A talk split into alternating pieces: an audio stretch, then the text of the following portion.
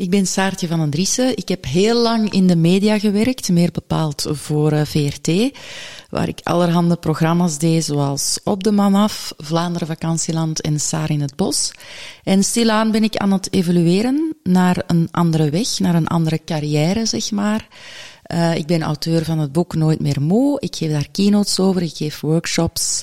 Uh, energetische boostkampen, waar de mensen eigenlijk hun uh, energetisch potentieel kunnen maximaliseren. En ik werk op voeding, beweging, de slaap en natuurlijk de mindset, want daar zit ons grootste energielek.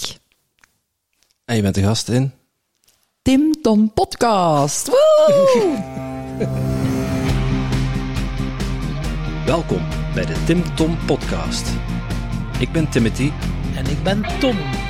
Samen zijn wij jouw GPS naar geluk en succes.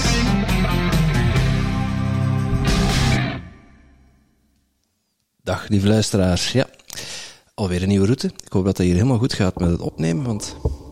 Ja, jij bent er met je fikken al geweest en uh, de boel is ontregeld precies. Ja, de boel is ontploft. Of dat komt door onze gast van vandaag. Ik wou juist zeggen, ik heb er niets mee te maken. dat wilde ik net al zeggen. ja, wat is, uh, we zitten hier uh, met iemand die ja, altijd toch pretendeert high energy te hebben, want ze heeft een boek geschreven, Nooit meer moe. En als ik nu, als ik u zo zie zitten Kun jij wel wat tips gebruiken uit die Ik kan zeker wat tips gebruiken, ja. Dus ik ben, uh, ben heel erg benieuwd. Uh, heel indrukwekkend lijstje waar ze aan meegewerkt heeft van medialandschap. Maar ja, ik zal toch nooit vergeten dat ze ook een rol heeft gespeeld in uh, mijn favoriete serie FC de Kampioenen. Ah, ik dacht, dat je, ja. ik dacht ja, ja, dat je ging zeggen de matroeskas. Dat kan ik niet. Nee, nee, nee. Dat zal aan mij liggen. Oké, okay, dat ligt aan u. Nee, okay. nee. Uh, het is FC de Kampioenen, maar dat terzijde. Uh, nooit meer moe om. Uh, ik ben al twee jaar lang alleen maar moe. Dus mm -hmm. ik ben benieuwd wat uh, Saartje mij allemaal gaat wijsmaken wat ik moet doen. Voilà, ja. ja. Ja, Saartje, vertel ons het grote geheim voor mijn collega hier.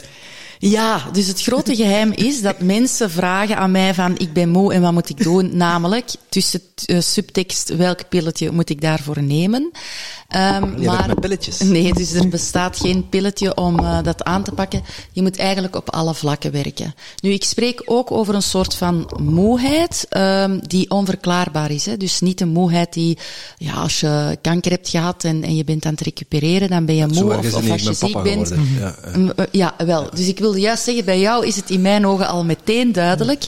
Jij hebt nog een jong kindje, die houdt je misschien wakker. Uh, dat kan zijn als je slechte nachten hebt, dat je dan moe bent. Maar in mijn geval, ik was moe. Um, ik, um, ja, en ik kon dat niet verklaren hoe dat, dat kwam. Dus ik uh, had acht uur geslapen, ik stond op en ik was moe. En ik voelde mij niet goed, ik voelde mij niet goed in mijn vel, ik kon de dingen niet realiseren. Ik uh, moest constant dutjes doen, ik uh, begon dingen te vergeten, ik had een voortdurende brain fog. Um, en dan ga je dus naar de dokter en dan vraag je, dokter, er is met mij iets aan de hand, kan je even mijn bloed trekken? En die dokter trok mijn bloed, mijn bloed en ik weet nog exact wat hij zei. Hij zei, je bloedwaarden zijn perfect. Je bent zo jong als een veulen. En ik dacht, oké, ik ben wel jong, maar ik voel me toch niet zo lekker. En die moeheid begon mijn leven ook te bepalen. Dus ik begon ook te snibbelen in sociale contacten. Ik ging s'avonds niet meer weg, want ik dacht, ja, als ik dat vanavond ga doen, dan ga ik morgen nog moer zijn. Dus ik ga gewoon thuis blijven. En ik kreeg eigenlijk ook een heel saai leven erbij. Dus ik moest daar eigenlijk echt wel iets aan doen. En uh, de geneeskunde, de westerse geneeskunde, kon mij daar niet bij helpen. Dus dan ben ik eigenlijk zelf een zoektocht begonnen. En ik weet nog dat die dokter zei van, ja, maar begin gewoon bij de, bij de basis, bij de voeding, de beweging en de slaap. De dokter zei dat? De dokter zei dat. Dus ja. ik ben uh, begonnen met dat helemaal uit te spitten en aan te pakken. En dan um, ben ik eigenlijk gestoot op het feit dat er toch nog een heel groot stuk mentaal, um, dat daar eigenlijk vooral de groei zit uh, qua energie energie. En dat wij dus als westerse mens, uh, ja, dat de grootste lek eigenlijk tussen onze twee oren zit, door alles wat er in ons hoofd omgaat. Die beperkende gedachten, die, de gedachten toekoer, de angsten, het gepieker enzovoort enzovoort. En dat daar toch wel een hele grote lek zit, dat we ook kunnen aanpakken. En dan ben ik dat hoofdstuk helemaal gaan uitspitten. En dat was bij jou het geval? De, die piekerende gedachten? Ja, nee, eigenlijk niet. Bij mij was het meer um, door de dingen die mij waren overkomen, door relaties bijvoorbeeld, hè, door in relatie te gaan met um, mensen die heel veel energie van u vragen. En um, ja, dat was eigenlijk een aaneenschakeling van mensen die ik in mijn leven heb toegelaten, die heel veel energie van mij hebben gevraagd en eigenlijk ook niet zo goed waren voor mijn zelfbeeld. En ik besefte dat eigenlijk pas later dat dat enorm veel energie heeft gevraagd en dat is weg ook.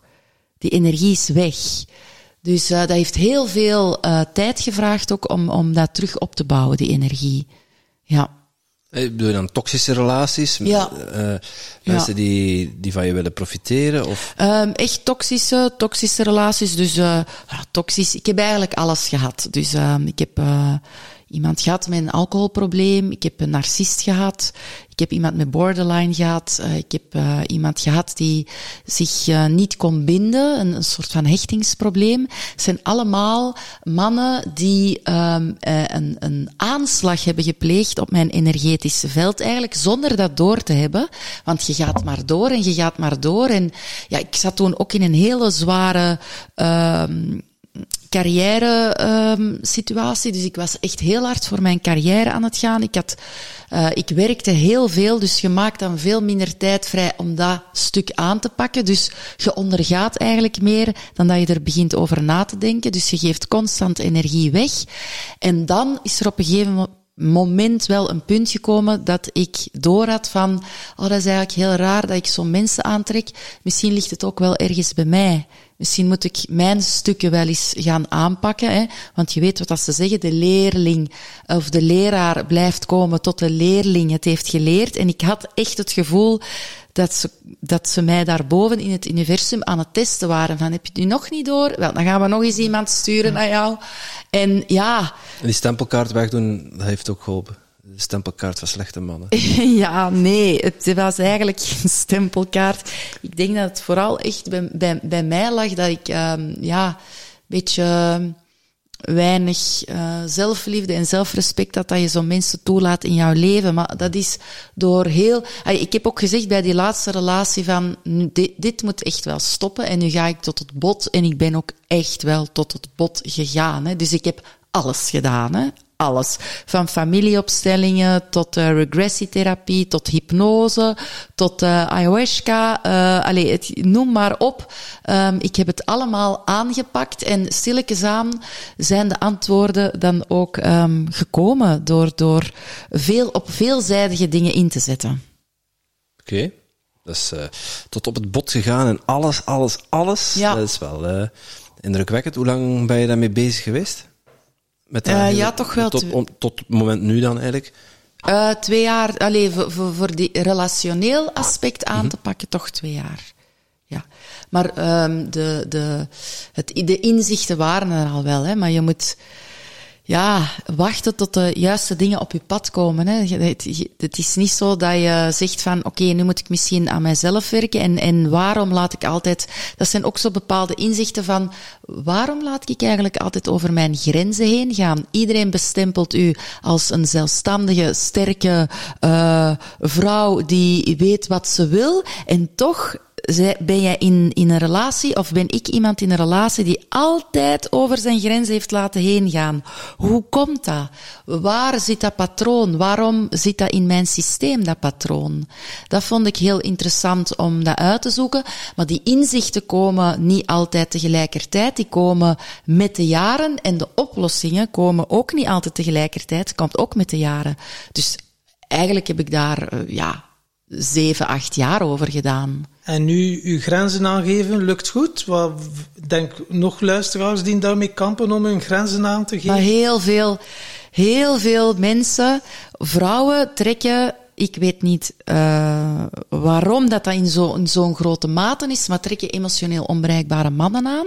Dat zegt natuurlijk ook heel veel over mannen. Waarom zijn die zo emotioneel onbereikbaar? Um, maar ik heb ook eens in een online workshop gezeten van Mira. Mira was een Hollandse. Nou, en die ging uh, de dames helpen die, uh, nou, ook zoals haar in een emotioneel onbereikbare mannenpatroon zaten. En dat was een gratis online workshop. En um, ik had mij daar ook voor ingetekend, want zij was ook toevallig op Instagram. Uh, mijn oog was daar toevallig op gevallen en ik dacht, oh ja, ik ben ook zo'n slachtoffer. Daar zaten duizend vrouwen in. Wauw. Ik meen het. Duizend vrouwen waren online die workshop aan het volgen. Dus ik dacht, oh, dat is wel heel interessant eigenlijk. Uh, hoeveel vrouwen dat toch aantrekken.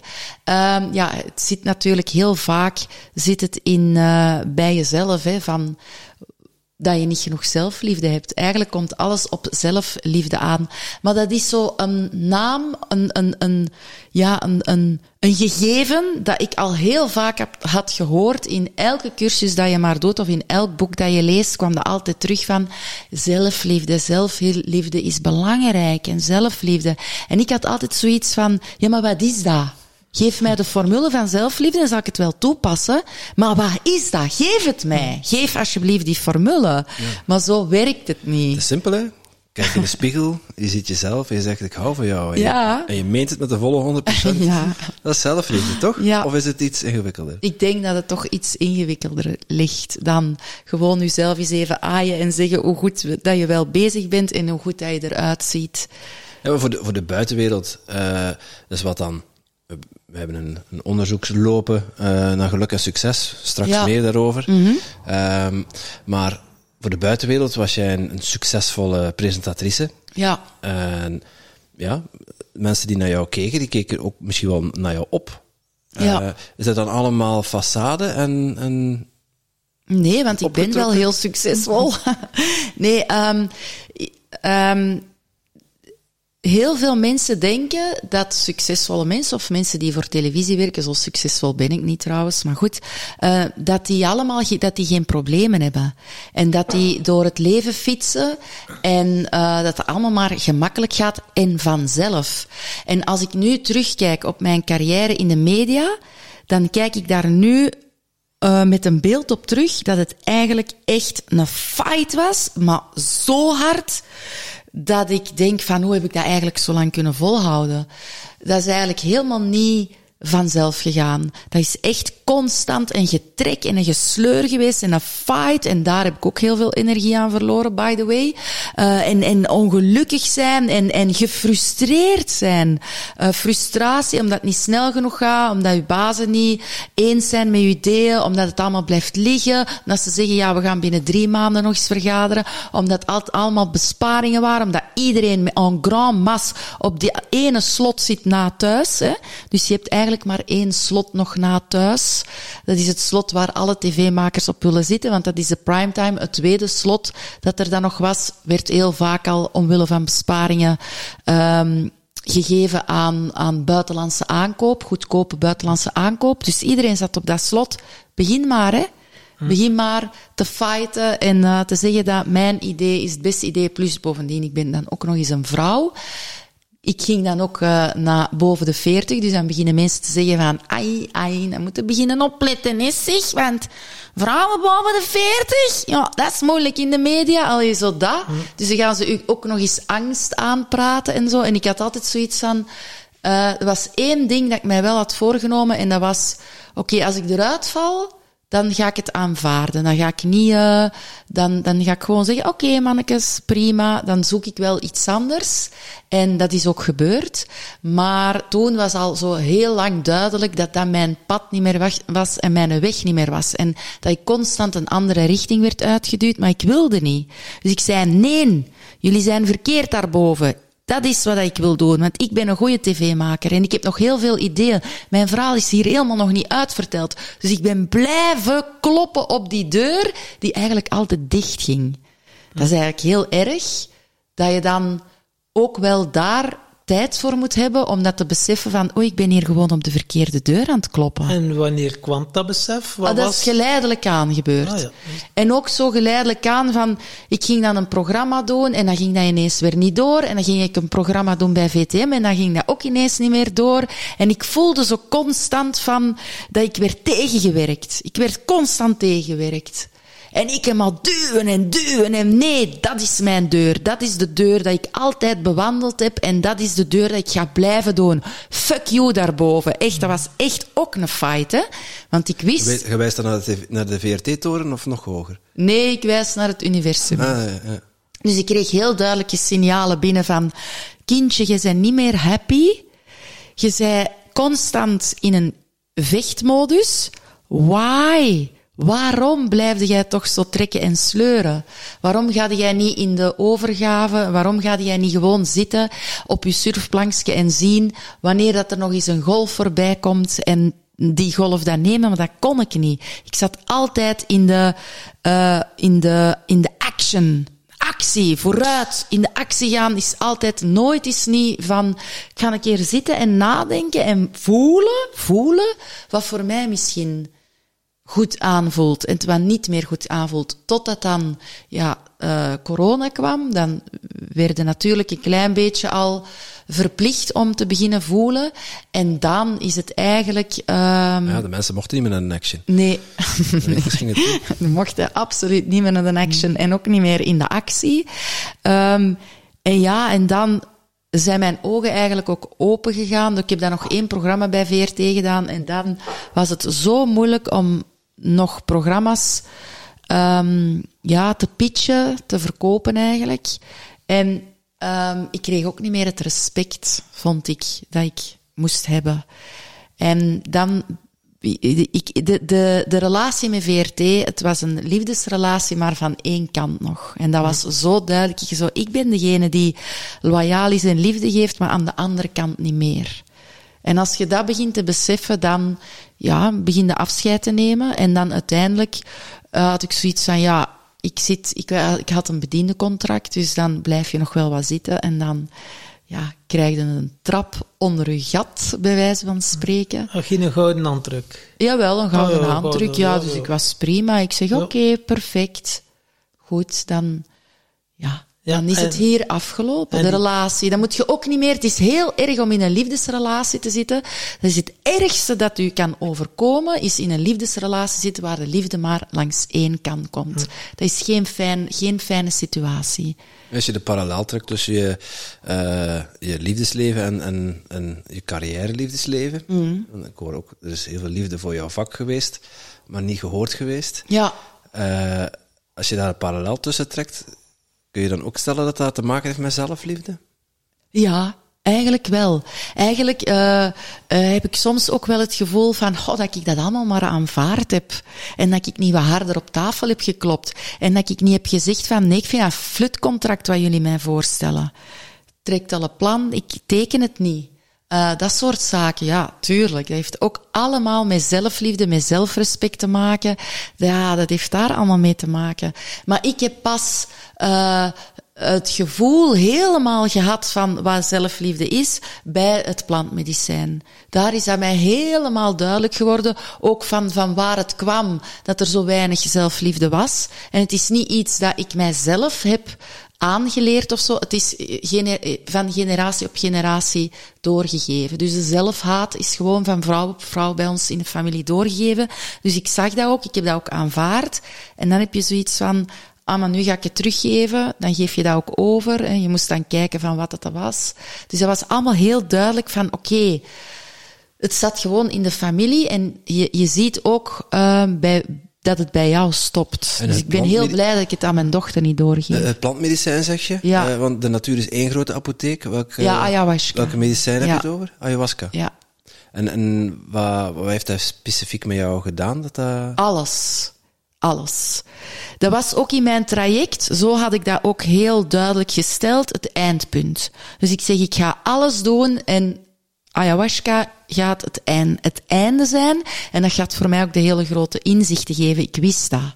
Ik, ik, dat was, dat was een, een, een weet, een, iets dat ik wist dat zo ging zijn. Waarom vraag het mij niet? Want ik had heel weinig gelezen over, uh, over het plantmedicijn. Maar dat plantmedicijn was al heel vroeg op mijn pad gekomen.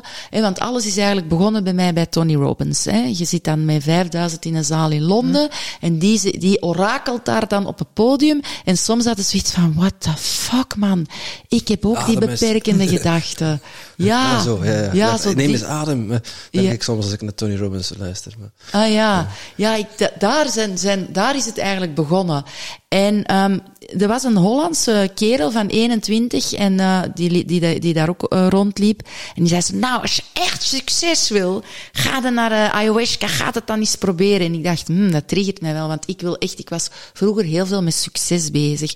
Niet per se om het te realiseren, maar ik las er wel veel over. Ik, ik, hmm. dat triggerde mij, zo succes. Kun dat, ik wilde daar ook een programma over maken. Kun je dat, kun je succes, kun je je succes vergroten? Heb je daar zelf uh, controle op of niet. Dat was iets dat mij enorm triggerde. Ik had ook heel veel uh, programma-ideeën daarover gemaakt en gepitcht. En, uh, dus ik, ik moest ook heel veel research daarvoor doen. Dus allee, dat was echt iets dat mij triggerde. Maar dus die ayahuasca was al heel vroeg op mijn pad gekomen en soms kwam ik dan mensen tegen die uh, ja, daarover uh, over vertelden. Dus het was zo wel altijd iets dat wel terugkwam van, ah, heb je dat ook gedaan? En ja, en die vertelden dan heel veel verhalen over. En elke keer had ik het gevoel van, nee, is mijn tijd niet. En moeder Aya komt u ook maar halen als het zover is. Dat is heel duidelijk. En ineens had ik zoiets van, ja, dat, nu moet ik het gaan doen, want dat is mijn sluitstuk. En uh, een vriend van mij zei op een gegeven moment van ja, ik ben dat in Frankrijk gaan doen bij een dame.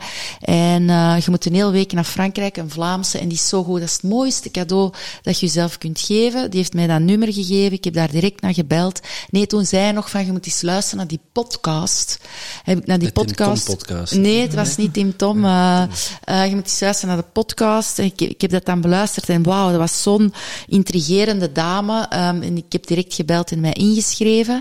En dan heb ik ook Um, ja, dus daar heb ik heel veel uitgehaald. Dus ik heb alles gekregen, ik heb alle inzichten gekregen. Ik heb ook heel veel zelfliefde gekregen, dankbaarheid, liefde. Uw hart gaat letterlijk open en ik, ik, kreeg het echt, het plooide helemaal open, mijn hart, en het kwam gewoon rechtstreeks binnen.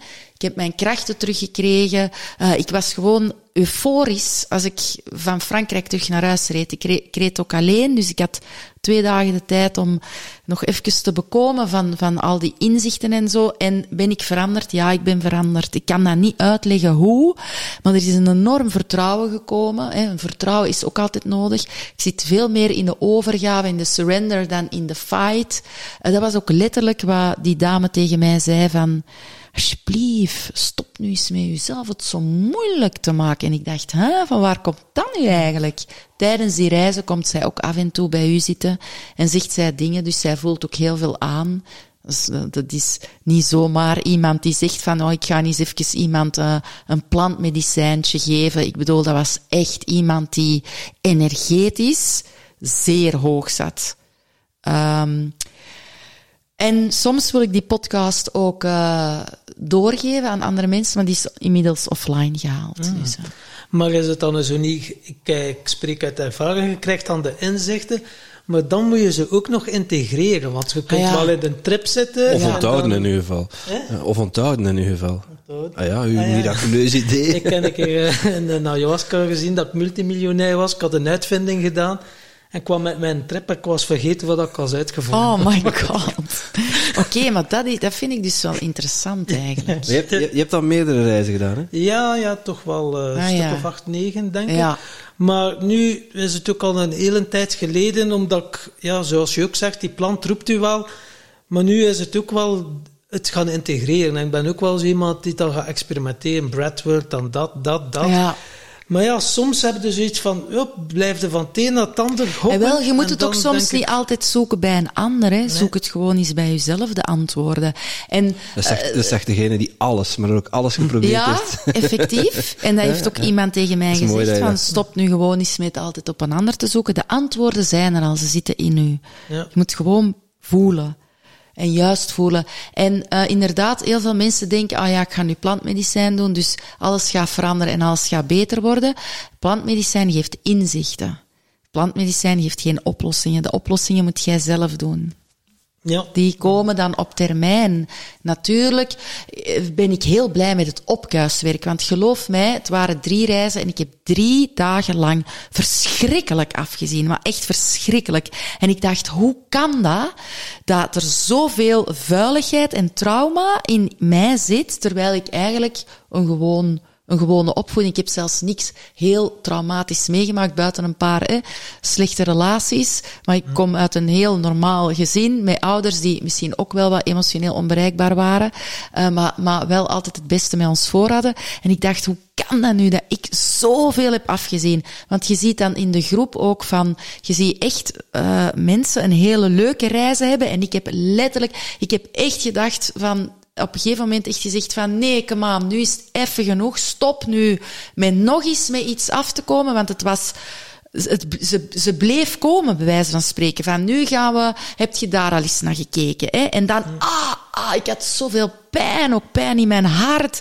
Uh, schreeuwen, schreeuwen, zoals een, een varken dat gekeeld wordt. Uh, heel de tijd op de keelchakra. Eh, eh, heel de twee, drie uur aan een stuk. Uh, mijn waarheid niet durven spreken werd dan gezegd. En ik dacht, ah ja, dat is waar, ik ben ja, echt een inslikker. Maar dat was inderdaad wel ook nodig, denk ik, in de televisiewereld. Want als je daar je waarheid zou spreken, dan zou je carrière ja. redelijk krap gedaan ja. zijn. Ja, inslik. Ik heb zoveel op mijn lippen gebeten en mijn ding niet kunnen zeggen en niet kunnen laten zien wie dat ik was. En gewoon uh, wat in de lijnen ben gaan lopen. En dat krijg je dan allemaal op je bord.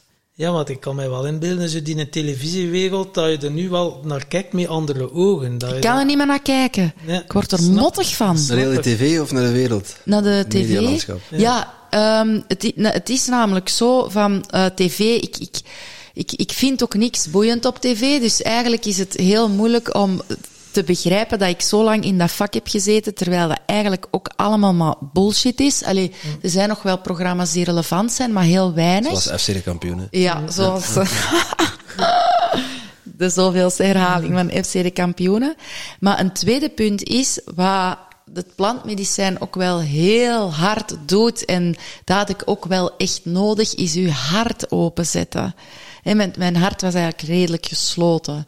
En um, dan komt alles natuurlijk veel sterker binnen. Dus als je dan het nieuws ziet, ik kon de eerste weken na, na mijn reizen niet meer naar het nieuws zien. Ik kon zelfs niet naar Avatar zien, die, die met die blauwe mannetjes, zo die tekenfilm. Dat die zo oorlog tegen elkaar voerde. Ik moest dat gewoon afzetten, want dat kwam zo hard binnen dat ik daar niet meer naar kon kijken. Nu is dat natuurlijk beter.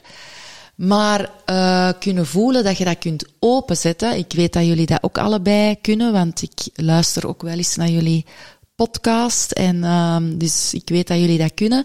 Maar dat kunnen openzetten geeft wel echt een heel fijn gevoel.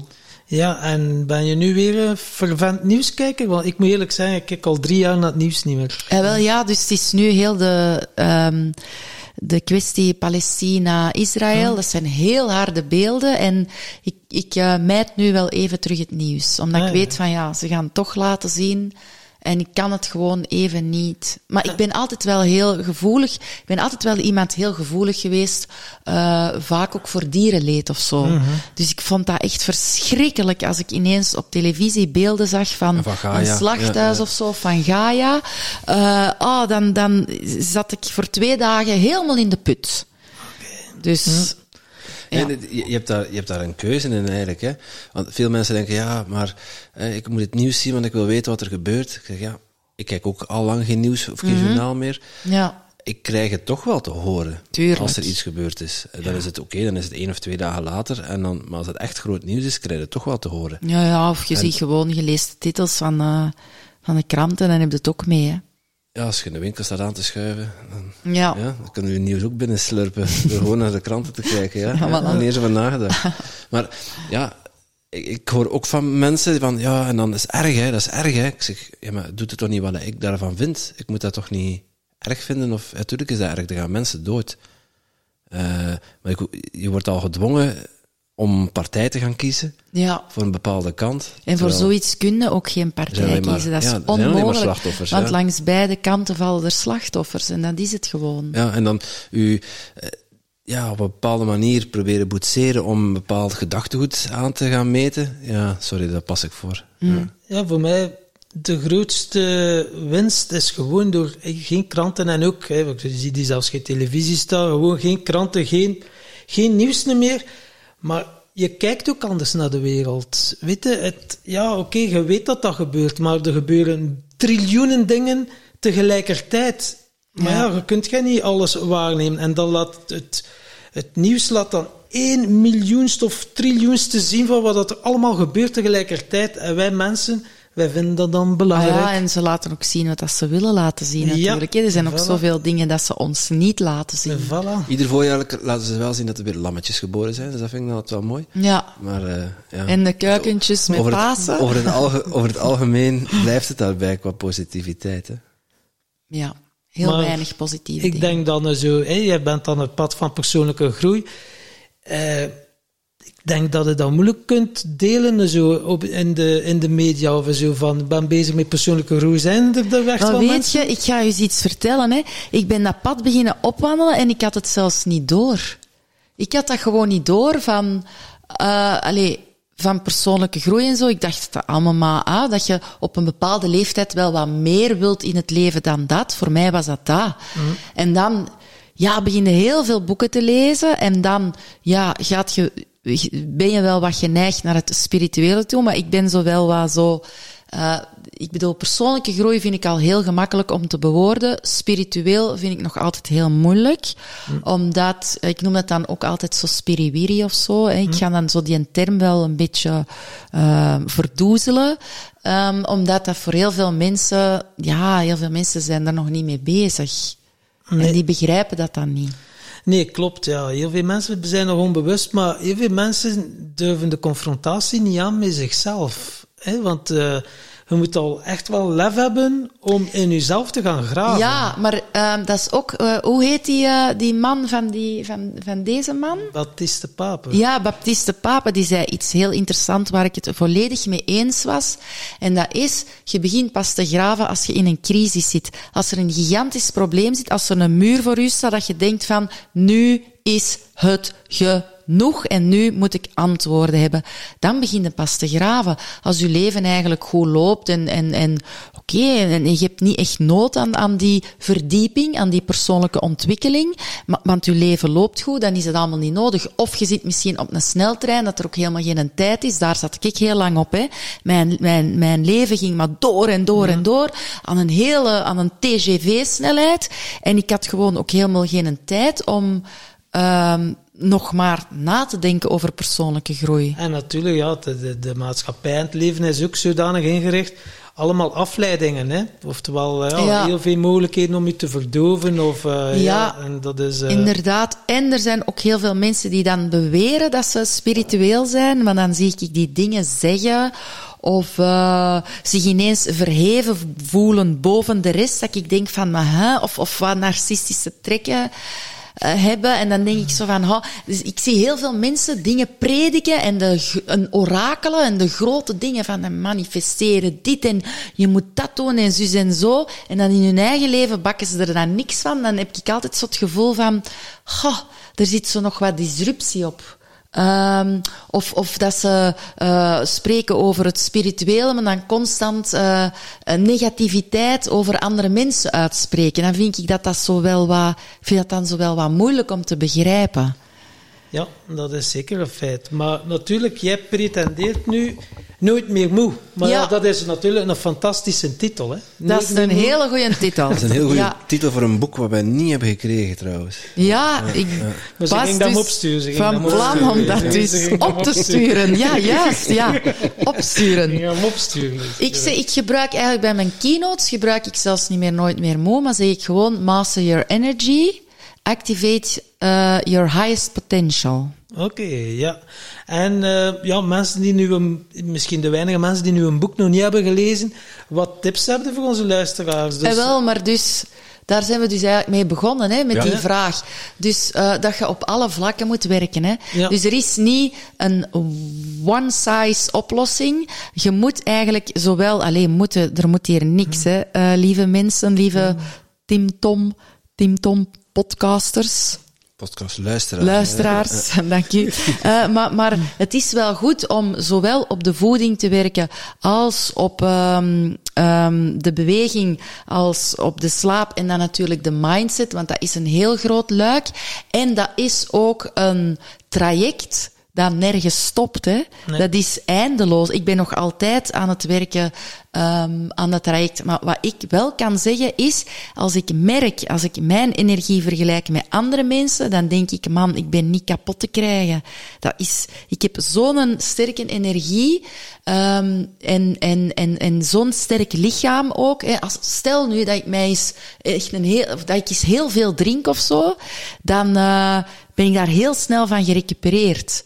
Of, of, uh, of, of ik heb eens uh, weinig geslapen of zo, dan kan ik daar heel snel van recupereren, omdat mijn lichaam gewoon um, altijd aan de 100% energy zit. En wat doe je dan? Heb je dan een ochtendroutine of een bepaald Maar heel voeding? veel, hè. Dus ik eet bijvoorbeeld, allez, ik eet, ik, ik, ik vul niet, maar ik voed. Dus ik eet niet om mij te vullen, wat de meeste Westerlingen doen, maar ik voed mij. Dus mijn, mijn voeding is altijd met, met verschillende compartimenten op mijn bord, met, met heel veel dingen, met een grote voedingswaarde, met heel veel vitamine en mineralen. Mm-hmm. Dus dat is al mijn eetpatroon. En uh, dat is, maakt mij gelukkig. Hè? Ik bedoel, dat is geen straf. Voor heel veel mensen is gezonde voeding een straf. En uh, een pizza en een fruit is dan een beloning. Maar ik kom niet in een frietkot. Ik vind dat walgelijk. Ik krijg dat niet binnen. Ik vind dat drap. Moet dat niet. Ik weet ook dat mijn lichaam daar niet happy van wordt. Dus ja, dat is een beetje een verschil. En dan ja, uh, de, bij, bij beweging is dat vooral de, de krachttraining. Ik doe, ik doe crossfit. Ik, ik, we hebben over heel ons lichaam spieren gekregen, dus ik ga die ook over heel mijn lichaam triggeren. Dus ik heb een ijzersterk lichaam. Ik ben gewoon niet kapot te krijgen. Ik heb dat al gezegd. Dus geef, geef een box in mijn maag en je stoot op beton. Denk dat ik Arne een keer een week ga afdroppen. Het is mijn zoontje trouwens. Hè, ja, ja, ja, ja, dat, ja, dat weet ik. Dat weet ik. En dan uh, heb je natuurlijk die slaap. Daar heb ik ook heel lang aan gewerkt. Want ik had het gevoel dat ik helemaal niet goed sliep. En, en zo van die restless legs. En de dokters schrijven dan gewoon slaappillen voor. Ja, we weten, positieve is, we weten wat dat je hebt. Ik ging dan aan een slaapkliniek. En uh, nog positiever is dat we er iets aan kunnen doen. En ik, ah oh, ja, geef de oplossing. Mond open, pilletje erin, ja, slaappillen, klaar. zei die kerel. En ik, wat? Ik ik heb nog nooit één slaappil in mijn leven genomen. Uh, ja, maar dat is zeg maar lichte inslapers. Hè? Uh, dat is geen enkel probleem. Dus ja, wat doe je dan? Ja, dan neem je dat. De dokter heeft het gezegd. En ja. dan had ik zoiets van, man, dat is zo een heerlijke pil om in te pakken. Je titst dan naar binnen en bam, je kop ligt neer en je zij weg. Ja, en als die niet meer werken, hebben we nog zwaardere Ja, en, en, het was zo gemakkelijk totdat ik dacht van, goh, ik sta suf op. Eigenlijk is dat helemaal niet goed, want die pillen die zorgen ervoor dat ik de volgende dag ook nog eens depri ben. En ik sta suf op en ik ben er dan mee gestopt. En nu heb ik eigenlijk een hele goede slaap. Dus ik denk dat dat soms ook wel tijdelijk is. Of dat er een geruststelling is dat je weet van waar dat het aan ligt. In mijn geval ik schopte mijzelf dan uh, uit mijn slaap door die spastische benen en zo. Maar een geruststelling van wat het is, kan ook ervoor zorgen dat een slechte slaap al doorprikt wordt. En dan natuurlijk die mindset, hè, dan daar heel hard op, op werken van de juiste mensen toelaten, uh, uh, energiehuishouding, wat maakt, wat, wat, wat, wat vreet er energie, dat loslaten, wat geeft er energie, daar meer op inzetten, dat soort dingen. Uh, de, de truc van de dankbaarheid, de kracht van de positiviteit, visio, visio, Oké, okay, affirmeren, visualiseren. Ja, Zeg sorry, maar, ik, kwam, ja. ik kwam er even niet uit. Uh, intenties zetten, meditatie. Meditatie vind ik ook een hele goede tool om mee aan de slag te gaan. Dus ik, ik uh, doe transcendente en natuurlijk ook uh, de, de ochtendstond heeft goud in de mond. Hè. Dus het ochtendritueel. Uh, vroeger was ik altijd een ochtendmens. Dus als ik thuis woonde bij mijn ouders, stond ik om zes uur op. Ik herhaalde mijn lessen, hè, want ik was altijd zo iemand die zo die herhaling nog wel nodig had. Ik ging naar beneden, ik dekte de tafel voor iedereen, ik kon bijten. En dan ging ik naar boven en dan ging iedereen naar beneden. En had ik voor mezelf de badkamer. dus ik had echt een een, een, een hele leuke... Ik had een voorsprong genomen op mijn dag eigenlijk. En, en, en dat was hoe dat ik al van jongs af aan um, in het leven stond. En dan door die moeheid en zo kon ik ook niet meer vroeg opstaan. En ik vond het vreselijk. Elke keer als ik een call sheet had uh, om zes of om vijf uur opstaan, dan was ik al drie dagen ervoor aan het stressen van, oh, binnen drie dagen moet ik zo vroeg op en dat gaat niet gaan en ik ga zo moe zijn. En allee, het waren allemaal zo'n dingen. En op een gegeven moment ben ik dat terug gaan integreren in mijn leven van, hé, hey, wacht eens even ik was vroeger eigenlijk een ochtendmens en ik genoot daar zo van en ik ga dat nu opnieuw doen. Dus nu sta ik terug opnieuw om zes uur op en ik heb inderdaad mijn ritueel. Dus mijn ritueel bestaat uit um, meditatie. Ik begin sowieso met meditatie, met transcendente meditatie. Dan ga ik naar beneden, dan doe ik wat energetische oefeningen, Donna Eden oefeningen, of uh, wat kundalini, um, of wat pranayama, wat ademhalingsoefeningen. Echt allemaal dingen dat direct uw energie stuwen en, en uw energie wakker maken. En dan ga ik wat lezen. Ik lees wel twee kranten, s'morgens nog. Ik vind dat, dat, ja, dat is een gewoonte. Ik vind dat nog altijd heel leuk, want er staat niet altijd kommer en kwel in. Soms staat er ook eens een artikel in over uh, positiviteit. Of wat heb ik nu vanmorgen gelezen? Zie, ik ben het alweer vergeten.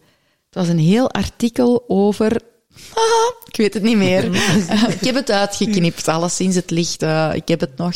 Um, ja, en, en, en dan lees ik uh, ja, in, in die, al die boeken, hè, de Dispensa's en de Roy Martina's. En wanneer ga je dat allemaal lezen? Dat kun je niet. Ja, wij nodigen die gewoon uit voor de podcast. Ja, dat is heel handig. Hè? Roy ja. is ook al geweest bij ons. Hè? Ah, is Roy ook geweest? Ja, ah, ja. ja okay. binnenkort hebben we weer met Roy uh, een podcast. Ja, die vond ik weken. toch ook wel dus, echt geweldig. En ik ben ook workshops met hem, zo'n een, een drie of vierdaagse in Scheveningen, uh, gaan volgen met hem. Uh, maar die gaat wel echt wel next level.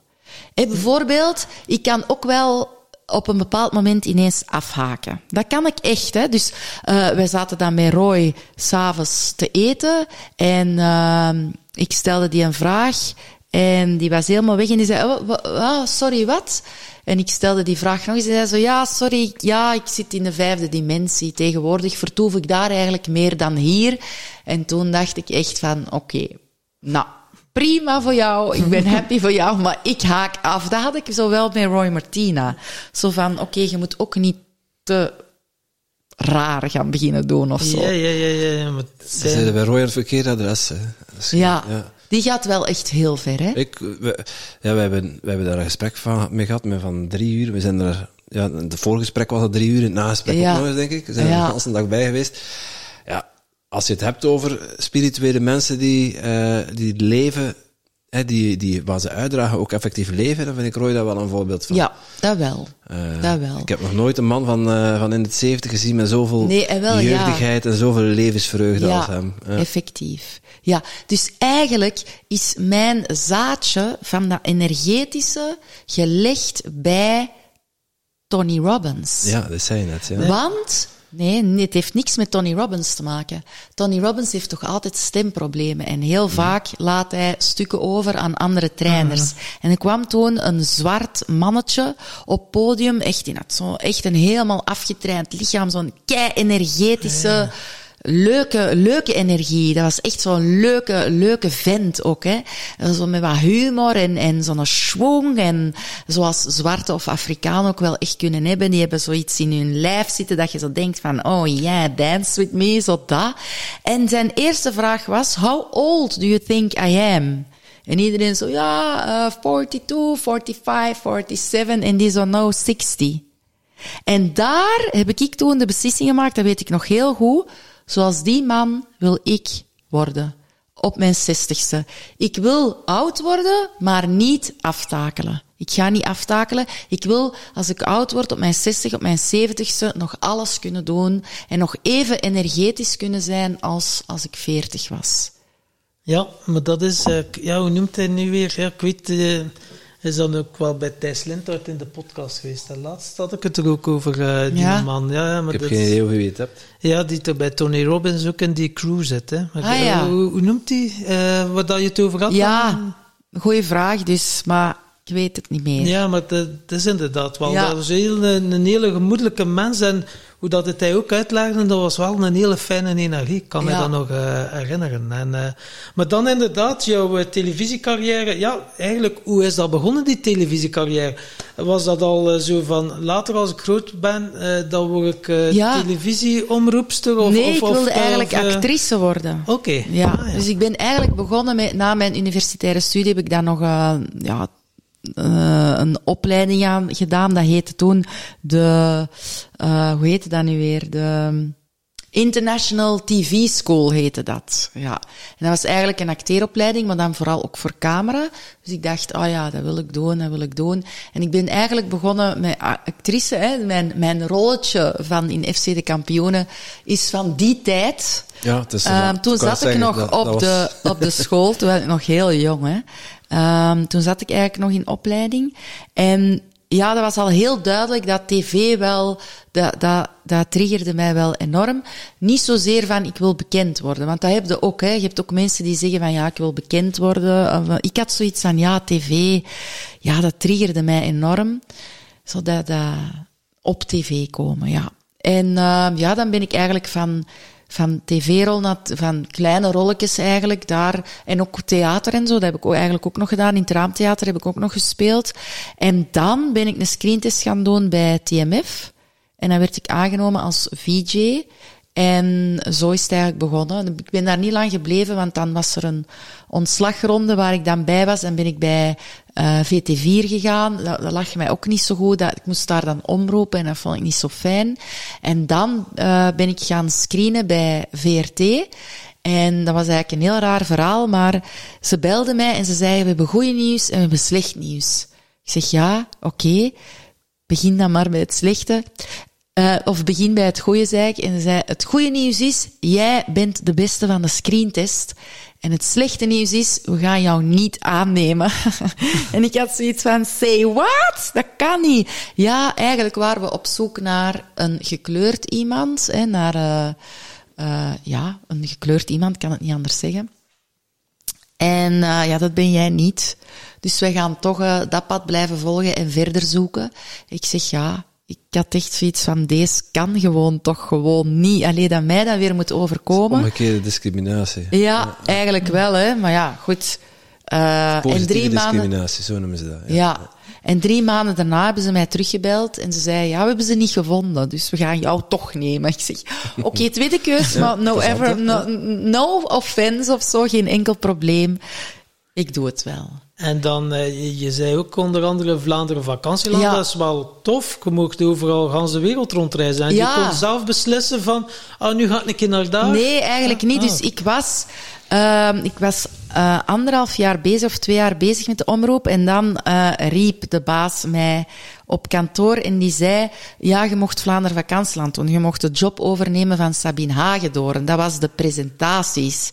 En ik had zoiets van, oh, ik heb er eigenlijk helemaal geen zin in. En ik ja, oké, dat is goed, en doe ik dat wel. Maar ik had zoiets van, mm, nee, ik weet niet. Ik voel het zo niet echt aan alsof, ik, ik, ik zag alles groter. En dat was zo van, oh, de presentaties van Vlaanderen Vakantieland, een programma om kwart na zes op zaterdag.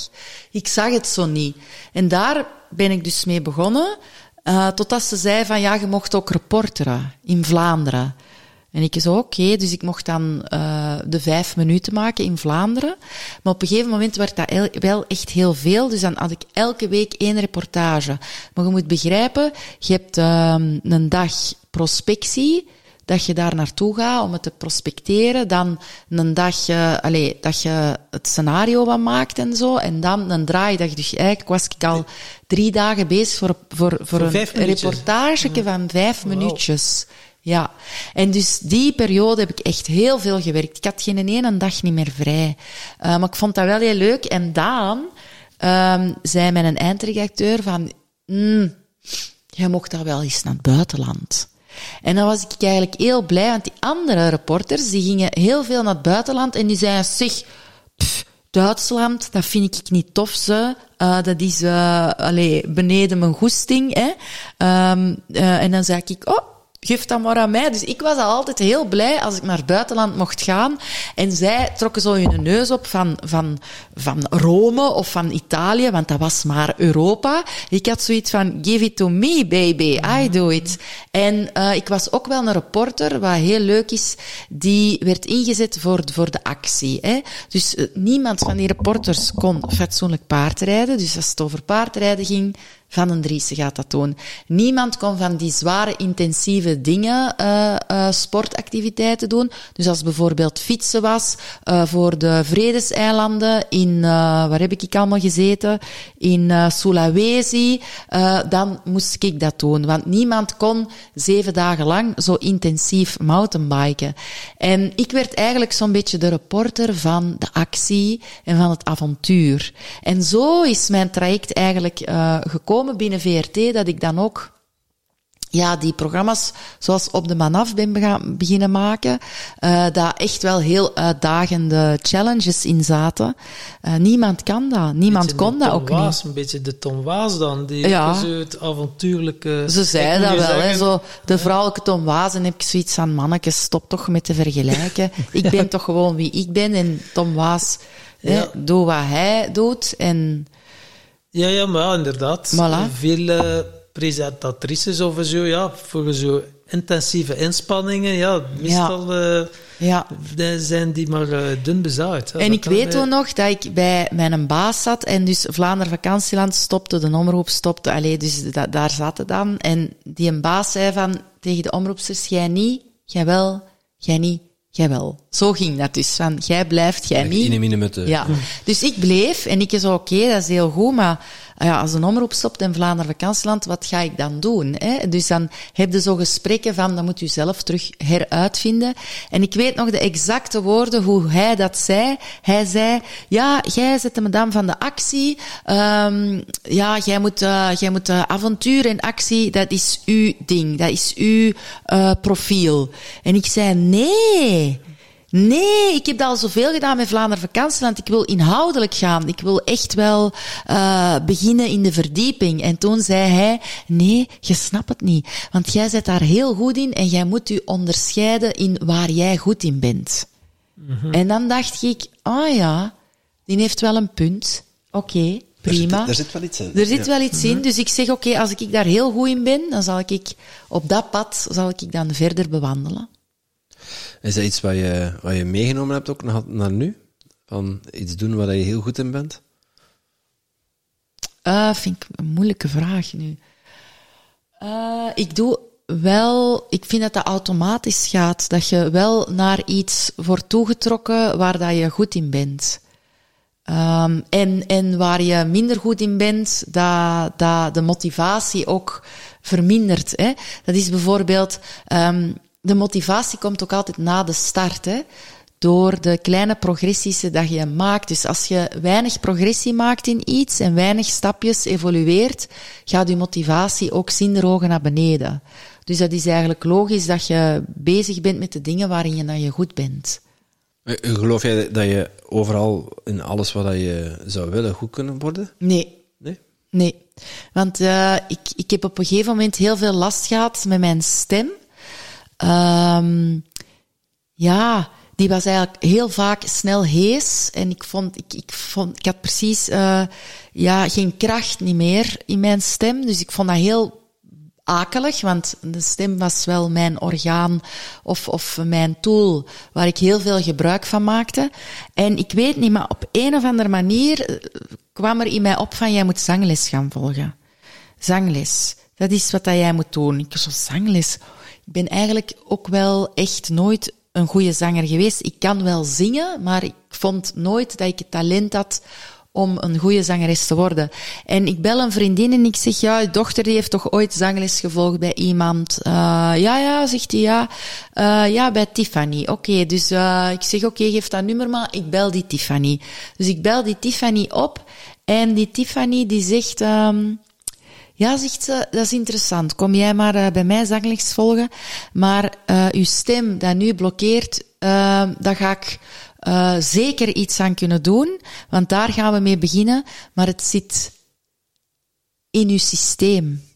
Dus er, is, er, er zitten blokkades waardoor dat je stem ook niet meer die kracht heeft. En ik ga eerst dus op eh, heel uw systeem moeten werken voordat we gaan beginnen zingen. En effectief, ik ben nog altijd bij haar. Er zijn heel vaak nog lessen dat ik geen noot zing. En ehm, ik heb wel echt mijn stem teruggekregen. En wat zij ook geeft, is het vertrouwen van... Je hebt een stem om te zingen. Je zingt misschien niet zoals Beyoncé, maar je hebt evenveel recht om te zingen als iemand anders. En ehm, het vertrouwen hebben dat het, dat het ook goed is. Begrijp je? Hè? Want jij Zeker. meet u direct af aan, aan de straffe zangeressen, aan de Natalia's en de Beyoncé's en de wie dan ook. Van, ah, die kunnen zo goed zingen en, en, ah, en ik wil dat ook. En, maar het zit vooral in het vertrouwen. Ja, ja, dat doe je nu gewoon aan je zelfvertrouwen. Ja. Als je je elke keer gaat vergelijken met de allerbeste, en dan, ja, dan, Ja. dan wordt het moeilijk om gelukkig te zijn. Ja. En, eh, en dan zit dat dus in uw natuur om... Ja, langs de ene kant is het tweeledig. Hè, want als je dan vergelijkt of je kijkt naar de, de besten, gaat je zelf ook goed worden op een manier. Ja, maar, je kunt... geen, natuurlijk geen competitie worden. Dat Exact. is het, hè. ja. Kunt u wel, allee, ik vergelijk me wel graag, ik vergelijk mezelf graag. Ik, ik, ik, ik, ik vergelijk mezelf graag met Oprah Winfrey. Hè. Dat is ook iemand die eh, heel lang eh, de grote shows heeft gedaan. Allee, ik bedoel niet op dat vlak, maar ik bedoel onze situatie. Hè. Ze heeft eh, op tv een lange carrière gehad en is dan gaan beginnen ondernemen. Dus ik vergelijk mij graag met haar op dat vlak van, oké, dat is misschien ook mijn pad.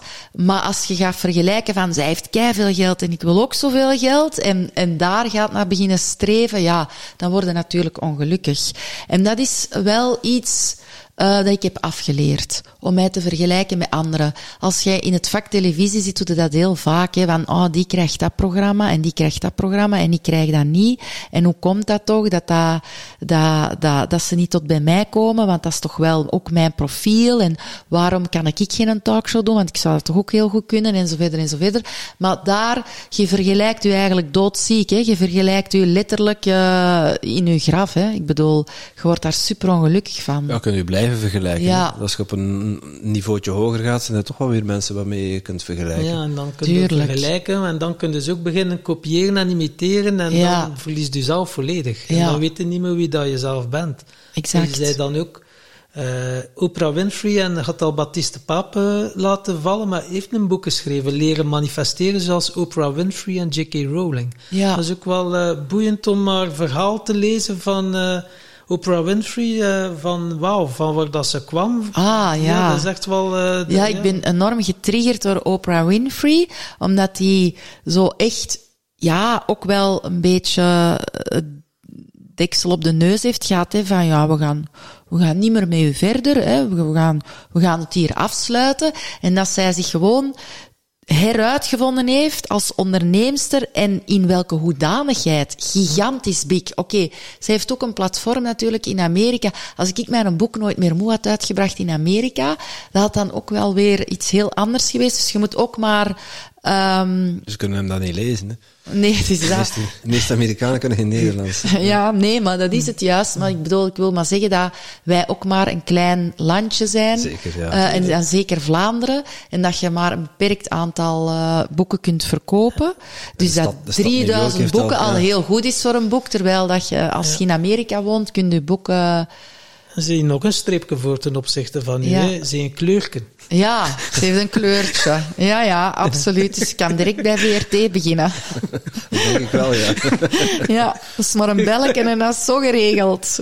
ja aan, aan de, aan de ene kant hoor ik je zeggen van, ja, vergelijk jezelf niet met anderen. Eh, wij hebben ook al mensen in de podcast gehad die zeggen van, ja, kies een rolmodel en kijk, hè, als je, Ja.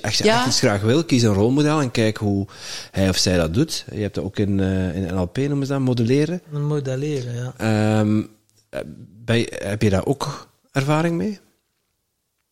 Um, ja, Ja, mijn rolmodellen waren vooral mensen die um, uh, heel lang in tv hebben gewerkt.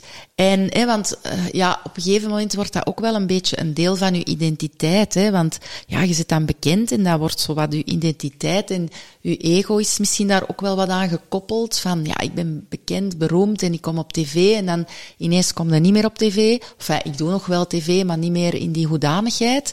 Um, en ik, ik, ik had mij altijd vooropgenomen van de dag dat ik niet meer intensief op televisie ga komen, ga een dag zijn dat je niet mag ongelukkig maken.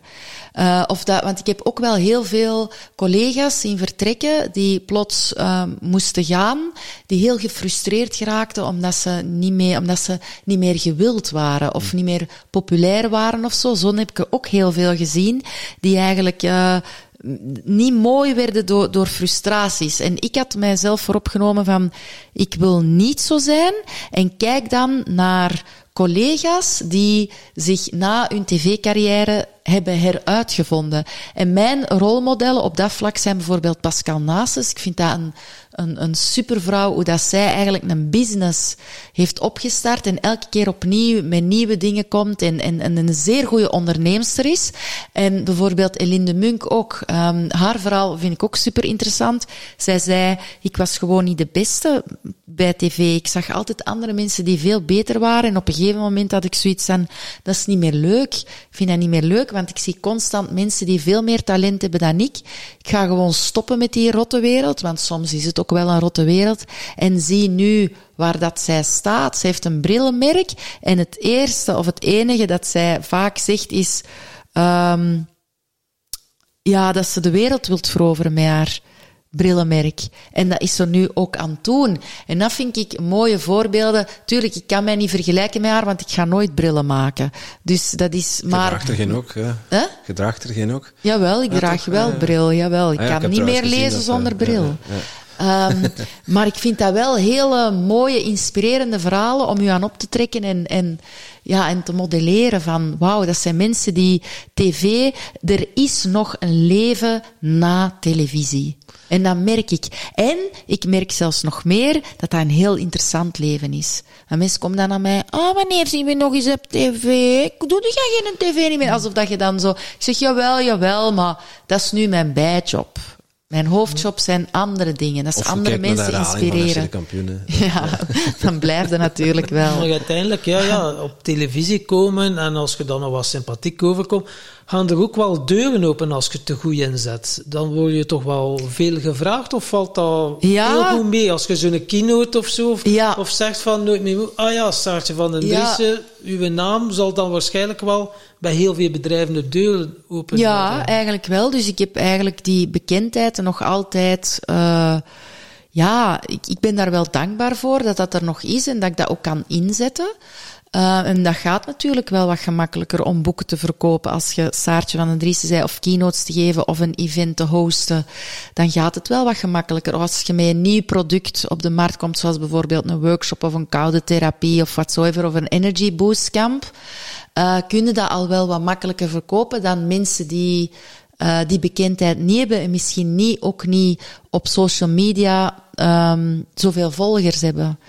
Maar die zullen dan iets harder moeten werken. Ja, dat is wel... Ja, ik kan er ook niks aan doen, ik Ah, zal nee, het zo nee, zeggen. tuurlijk, we kunnen Ja. het maar eh, inzetten als, eh, ja, als een voordeel natuurlijk. Maar het is ook altijd niet nodig. Hè? Ik bedoel, ik zie eigenlijk echt soms zo'n mooie voorbeelden van mensen die zo succesvol zijn met dingen die, en die nergens, die gewoon van onder een steen komen kruipen, bij wijze van spreken. Die nergens een platform hebben gehad of whatsoever. Dus het hoeft niet per se. Je kunt het ook zelf creëren, zoals wij Ja, Ja, voilà. toen gedaan hebben. Yes.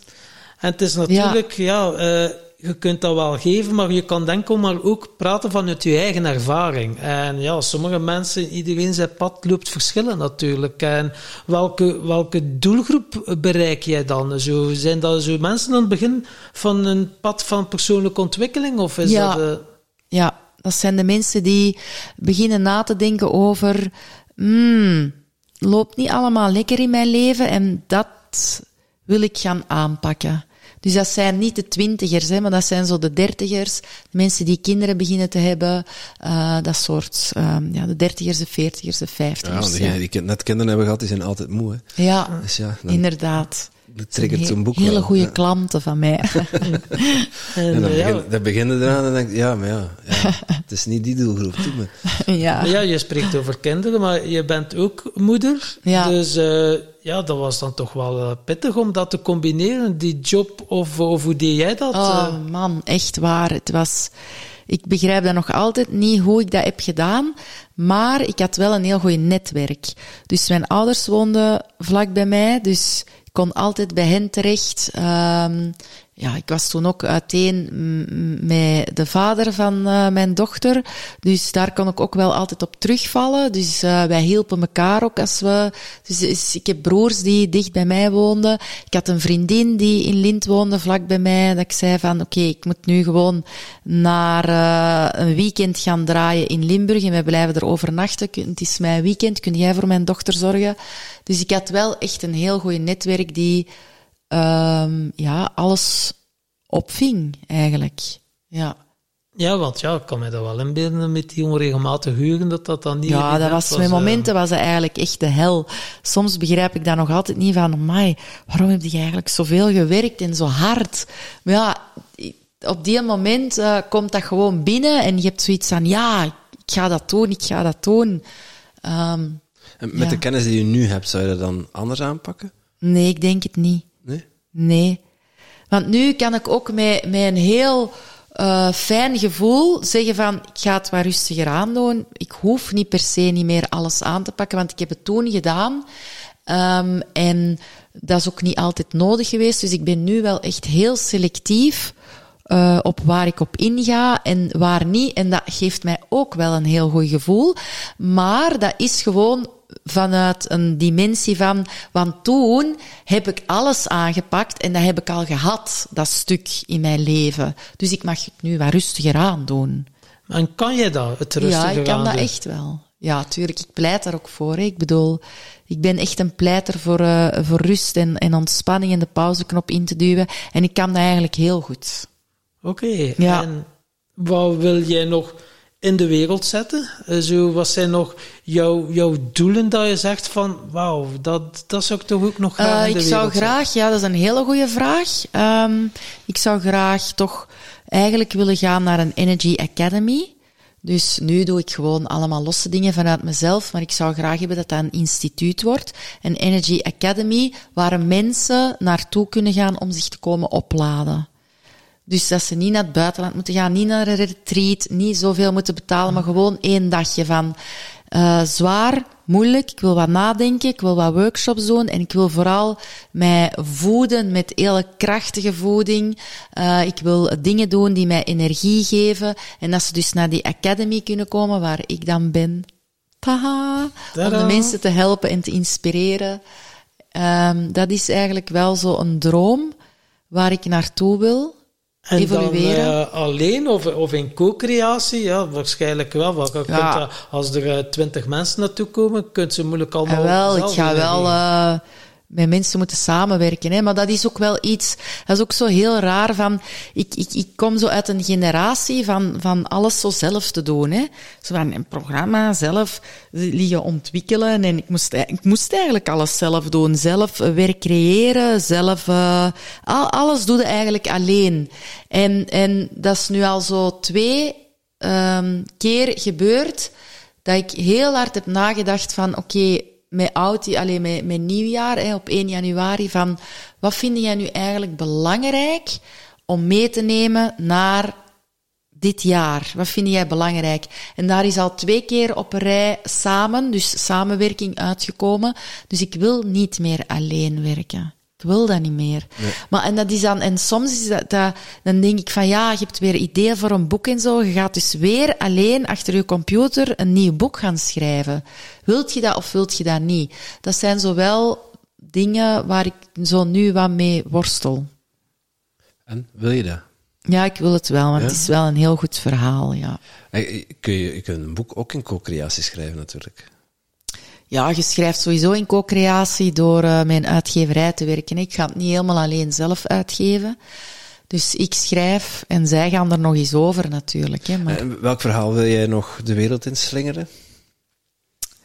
Uh, het verhaal van zelfleiderschap vind ik heel interessant. Hoe dat je zelf uh, je leven eigenlijk kunt bepalen en sturen. Dus aan het, uh, aan het roer van het schip gaan staan.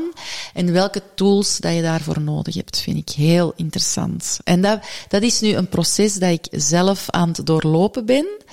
Um, dus ik ben dat zelf ook aan het um, bestuderen en aan het toepassen. Mm-hmm. Dus alle tools uh, pas ik natuurlijk zelf toe en dan kijk ik waar we ergens stranden.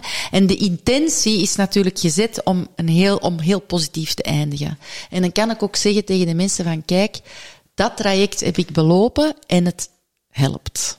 Eh, persoonlijk leiderschap, zelfleiderschap. Ja. Uh, er, er zijn al heel veel boeken over geschreven. Wat, wat, wat maakt dat jij jouw verhaal eraan wil? Omdat dat mij nu ineens heel hard triggert, want ik kom natuurlijk uit een afscheid van een uh, bedrijf waar ik 17 jaar lang heb mogen werken. Ik, ik, er was ook heel veel liefde voor dat bedrijf en loyaliteit. En uh, ik kom ook uit een, een relatie dat is afgelopen, waar er ook wel heel veel liefde was, maar dat dan hè, omwille van dat emotioneel onbereikbare bij die man is afgelopen. En ik had het gevoel van dat ik ineens terug op een nulpunt stond. En, en, en dat ik terug moest gaan bouwen. En het is dat uh, traject dat ik nu aan het bouwen ben en dat, waar, waar ik ook heel um, enthousiast over word om dat te vertellen aan andere mensen. En hoe ga je om met verlies? Dus ja, afscheid nemen van die man, afscheid nemen van die werkgever. Hoe ga jij om met verlies? Want ja, dat moet toch iets doen met de persoon Saartje? Um, met, met de VRT heb ik dat heel goed kunnen plaatsen en zo, want ik had al wel ja, al, al um, een jaar of zo, met corona ook al zo het gevoel van, ha, dat, gaat hier toch wel, dat loopt hier toch wel echt moeilijk. En het besef van, eigenlijk zei jij wel heel loyaal en, en heel open naar het bedrijf toe, maar zij niet naar mij. Dus ik vond dat ik ook weinig respect kreeg voor het werk dat ik leverde. Uh, en dat is eigenlijk echt wel, ik heb dat eigenlijk echt wel nodig. Dat begon ik meer en meer te beseffen van, ik heb wel echt zo nodig dat ze wel eens, uh, um, storten op mijn eigen waarderekening en zeggen van kind, dat heb je nou eens goed gedaan. Um, en ik kreeg dat niet. En um, dus dat, dat is zo uh, een bepaald proces dat je dan begint te doorlopen en dan krijg je zo ineens die, die grote inzichten en dan kwam ook ineens mijn ontslag eigenlijk en heb dat eigenlijk heel goed. Ik heb eigenlijk direct de bladzijde kunnen omdraaien, dus ik heb daar geen traan voor gelaten. Ik ben daar nooit in de negativiteit gegaan, dus ik heb dat altijd mijn positieve manier willen bekijken. Ik kreeg ook heel vaak zo berichten binnen van voor, voor elke deur dat dicht gaat, gaan er uh, vijf ramen open of zo. En ik dacht, ja, zo zie ik het eigenlijk ook. Ik zie het echt als iets positiefs, als, als uh, er gaan mij ding, goede dingen tegemoet komen. Um, maar in, relationeel vond ik dat toch wel heel moeilijk. Omdat dat iemand was waar ik wel tijd en energie in had gestoken. En hij was ook altijd heel eerlijk naar mij geweest van ja, ik kan moeilijk geven, want ik heb een trauma opgelopen en ik heb een hechtingsprobleem. En ik vond ook niet dat ik dan de therapeut moest gaan spelen om, om dan te gaan zeggen van ja, probeer dat eens en dat en lees dat boekjes en dat. Ik dacht nee, dat is zijn eigen traject. En ik geloofde wel dat dat kon veranderen, maar ik stootte gewoon elke keer uh, ja, op, op, op, uh, op nee nee, ik kan het niet. En, en dat heeft mij echt gefrustreerd. Zo van, ah, come on, echt, waarom heb jij dat niet willen aanpakken? Dan hadden we het misschien wel gered. Uh, maar ja, die ging altijd lopen. En dan, ja, de laatste keer heb ik gezegd van, ja, maar nu moet je niet meer terugkomen, want dat is voor mij ook niet goed. En dat vond ik heel moeilijk om dat te verwerken. Dat kwam ineens ook weer zoveel verdriet vrij. En dan dacht ik van, ja, is dat nu verdriet voor hem? Is dat verdriet voor mijn verhaal? Of is dat een verdriet dat nog in mij zit? Dus is dat verdriet om, om, om, om um, dingen die in mijn leven zijn gebeurd, een, een groter verdriet? Mm. Ehm, dan besefte ik dat dat eigenlijk een groter verdriet was. En ja, dan heb ik gezegd van oké, nu ga ik dat allemaal aanpakken en opruimen. Opruimen. Ja, dat was nog voor de ayahuasca. Ja, voor de ayahuasca, ja. En, en hoe, hoe kijk je daar nu tegenaan? Want nu, je, je zegt van de plantmedicijn heeft mij allerlei inzichten gegeven. Ja, Hoe, hoe kijk je daar nu tegenaan als je erop terugkijkt? tegen, te, tegen, Tegen dat, tegen dat verdriet of dat, dat verlies? Ehm, ja, heel, heel, heel positief eigenlijk. Dus eh, ik besef ook heel goed van waar dat, dat verdriet kwam. Ehm, en ik heb dat niet meer, dat verdriet. Dus ik kan nu eigenlijk, als ik aan hem terugdenk, dat echt mijn open hart doen en met heel veel liefde. En, en, en ook helemaal geen boos. Ik had eigenlijk, was ook eigenlijk nooit boos of zo op hem. Ik had altijd zoiets van, oh, ik vind het zo spijtig dat je het niet kunt. Jammer, voor u. Voor mij ook, maar voor u ook. Maar, maar ik was eigenlijk nooit boos of zo. Maar, maar als ik aan hem dacht, dan kwamen er echt altijd tranen in mij op. En dan dacht ik van, oh, hoe komt dat nu toch? Hoe komt dat nog? En nu als ik aan hem denk, heb ik dat niet meer. Dus kan ik echt zo alleen nog die liefde voor hem voelen. En blij zijn dat ik die liefde kan voelen. En ook hem het allerbeste toewensen. Ja. Ja, mooi. En Ja. ja. ja, omgaan met verlies is één ding, maar als je ook in de televisiewereld zit, zul je waarschijnlijk ook veel kritiek krijgen in Ja. de boekjes en de krant. Ja. Hoe gaat Saartje daarmee om met kritiek? Zeker als het dan onterecht is of roddels. En, eh, Maar roddels heb ik nooit last van gehad. Want ik was eigenlijk altijd zo een, ja, een braaf kind. Die eigenlijk, allee, ik, ik, er, er, je kon geen roddels over mij schrijven, want die waren er ook gewoon niet. Of zo dat ze zeggen van, ah, waar er rook is, is er vuur of zo. Er was nooit rook. Dus dan kunnen ze er ook geen vuur van maken. Eh, maar zo, soms kreeg je wel eh, harde mails binnen. Nee, als je zo aan een programma hebt gewerkt, zoals bijvoorbeeld Saar in het Bos, en je hebt daar je hart en je ziel in gestoken, en, en, en het ging ook wel ergens over. Het ging over de connectie met de natuur, en, en dat was echt wel iets dat ik wilde vertellen, van wat doet dat om drie weken lang met u? Eh, om drie weken lang te overleven in een bos. Wat doet dat met u als mens? En om dat ook wat te triggeren, zo die, die, de heilzame werking van de natuur, onze connectie met de natuur, dat we allemaal kwijt zijn. Dus daar zat wel wat inhoud in. En als je dan zo mails binnenkrijgt van, eh och, en die een brol, en dat allemaal met belastingsgeld. Ja, beter in dan, het bos gebleven. ja, ja, zo van die dingen van, je had er beter gebleven, waarom kom je eruit en zo. Ja, dan, dat, dat, dat komt wel altijd binnen zo. En dat is eigenlijk heel erg, want dan krijg je 15 goede reacties en één slechte en dan focust u toch op die slechte. En heel, eh, de policy bij de VRT was ook altijd om daar nooit op te reageren. Uh, oftewel te zeggen van, dank u voor uw reactie, ik zal proberen er rekening mee te houden.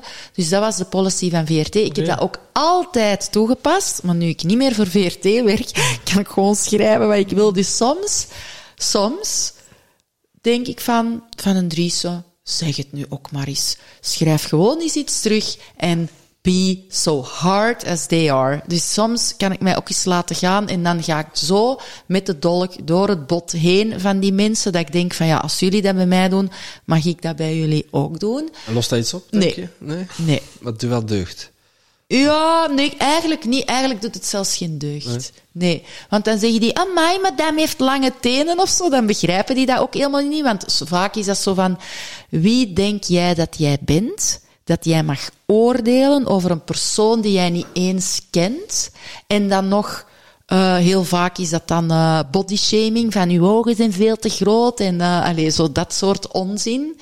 En dan denk ik, nu ga ik eens even wel mijn mening daarover zeggen, maar dan heb je ineens lange tenen of kun je niet tegen kritiek of zo.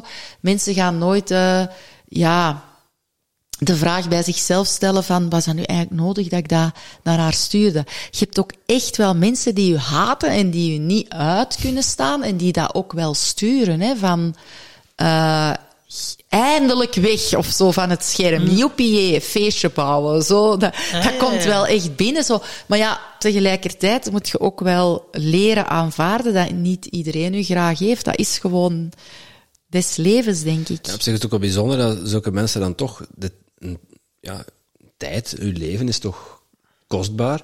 Dat is een deel van hun leven spenderen Ja. aan het feit dat ze u haten. En u ook nog eens de moeite nemen en de tijd nemen om daar Ja. dat te laten weten. Dus- Maar ik heb daar wel vaak over nagedacht hoor. Over goh, wat bezielt een mens om, om eh, dit soort dingen. Maar soms was dat echt wel grof. Van eh, je borsten zijn te klein en wie denkt er wel dat je zijn.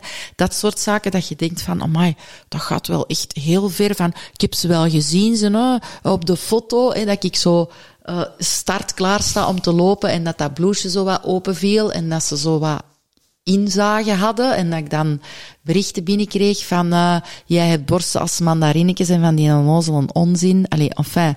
En soms vroeg ik me eigenlijk af van, ja, wat bezielt een mens om dat soort dingen te schrijven? En ik ben op twee conclusies uitgekomen. En de eerste is eh, geen intelligentie hebben. Ja, gewoon ja, weinig brains hebben meegekregen dat je gewoon niet beseft met wat je aan het doen bent. En frustraties bij die mensen.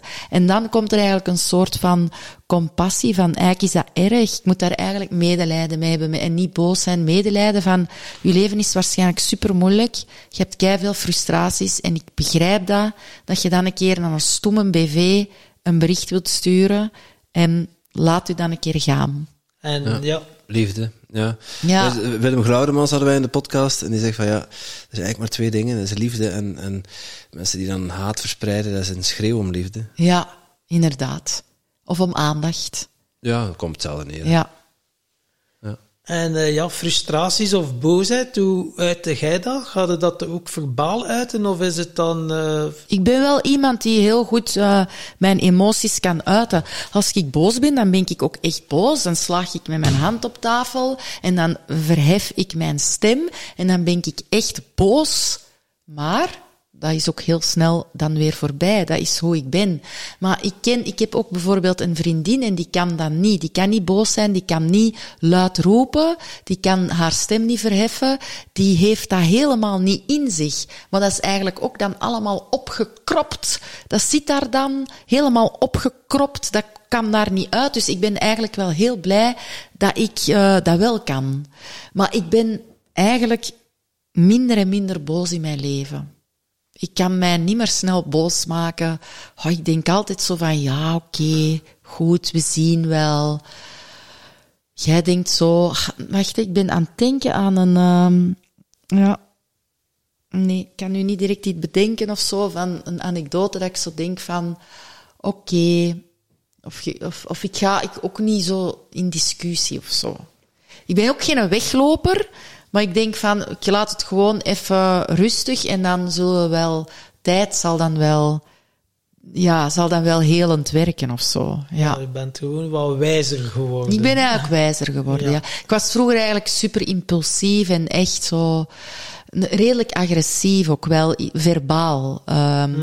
Heel veel mensen hebben mij erop gewezen van, uh, je hebt heel veel mannelijke energieën nu en redelijk dominant en, um, en, en ik had zoiets van, ja, maar dat is goed, hè, mannelijke energie is goed, want dan gaat er vooruit en bam, bam, bam, hè, zo dat. In de handbehaarde mannenwereld waar jij in zat, was dat misschien wel Ja, dat was, zonder die mannelijke energie had ik daar nooit kunnen... Um, handhaven. Ik had ik dan nooit kunnen blijven.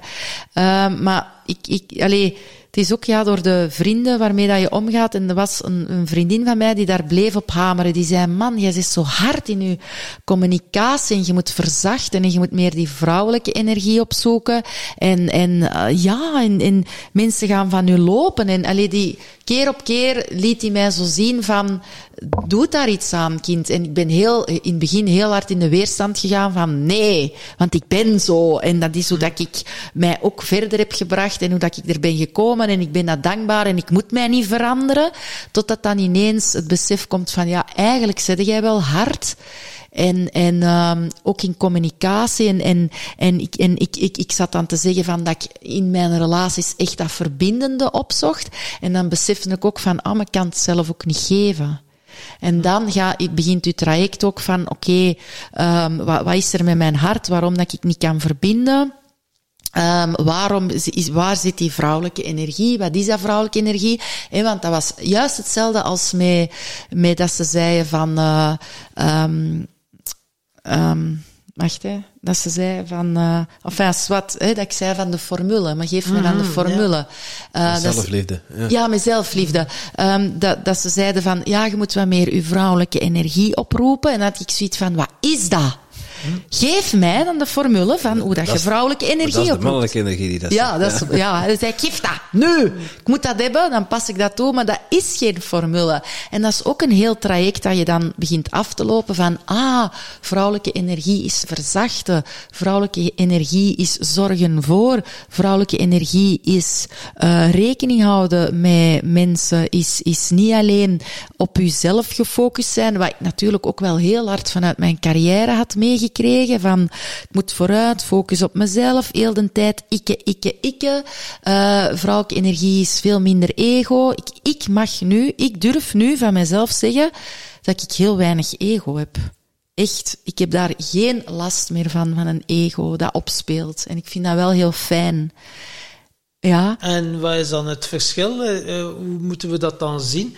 Uh, zo ego, ja, wat, wat betekent voor jou ego eigenlijk? Ja, als ze bijvoorbeeld uh, zeggen van nee, we gaan met u nu, we gaan kiezen voor iemand anders, dat je dan kunt zeggen van oh prima, en dat je dat niet persoonlijk neemt, maar dat je dan vanuit een ander perspectief het bekijkt, namelijk, oh, misschien was het dan toch niet mijn weg en komt er dan iets beter. Mm.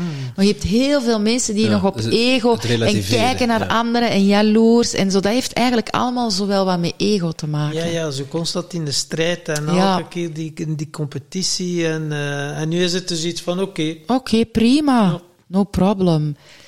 Ja, en, en, ik wil even terug naar het uh, zelfleiderschap, als dat ja. Want je zei van, uh, ja, je wil allerlei tools aan gaan reiken bij mensen. Ja. Uh, ik ben wel benieuwd. het is dan je eigen proces. Waar sta je nu in dat proces? Uh, helemaal nog niet ver. Hè. Dus dat is een proces dat ik nu onlangs ben beginnen aflopen. Um, en ik ben nu heel veel aan het lezen, zo de dispensas en zo ben ik nu wel wat aan het lezen zo. En, en dat zijn wel, denk ik, de tools die mij gaan verder helpen. Um, maar jij zegt bijvoorbeeld van zelfleiderschap. Er zijn heel veel boeken over. Nu, ik heb nog geen één boek in mijn handen gehad over zelfleiderschap. Voor mij is dat een nieuwe term. Okay. Begrijp je? Dus dat is een, een term dat ik nu ga beginnen uitspitten. Ja, ja, ja. Ik, ik zei persoonlijk leiderschap. Wat, wat zelfleiderschap, persoonlijk leiderschap is voor mij hetzelfde. Ja. Um, ik denk dat dat veel raakvlak heeft met, met persoonlijke ontwikkeling. Ja, met sowieso. Uzelf, hè? Met jezelf in uw kracht zetten. En voor mij een heel wezenlijk boek daarin is Think and Grow Rich van Napoleon ja. Hill. Ja, ja. ja.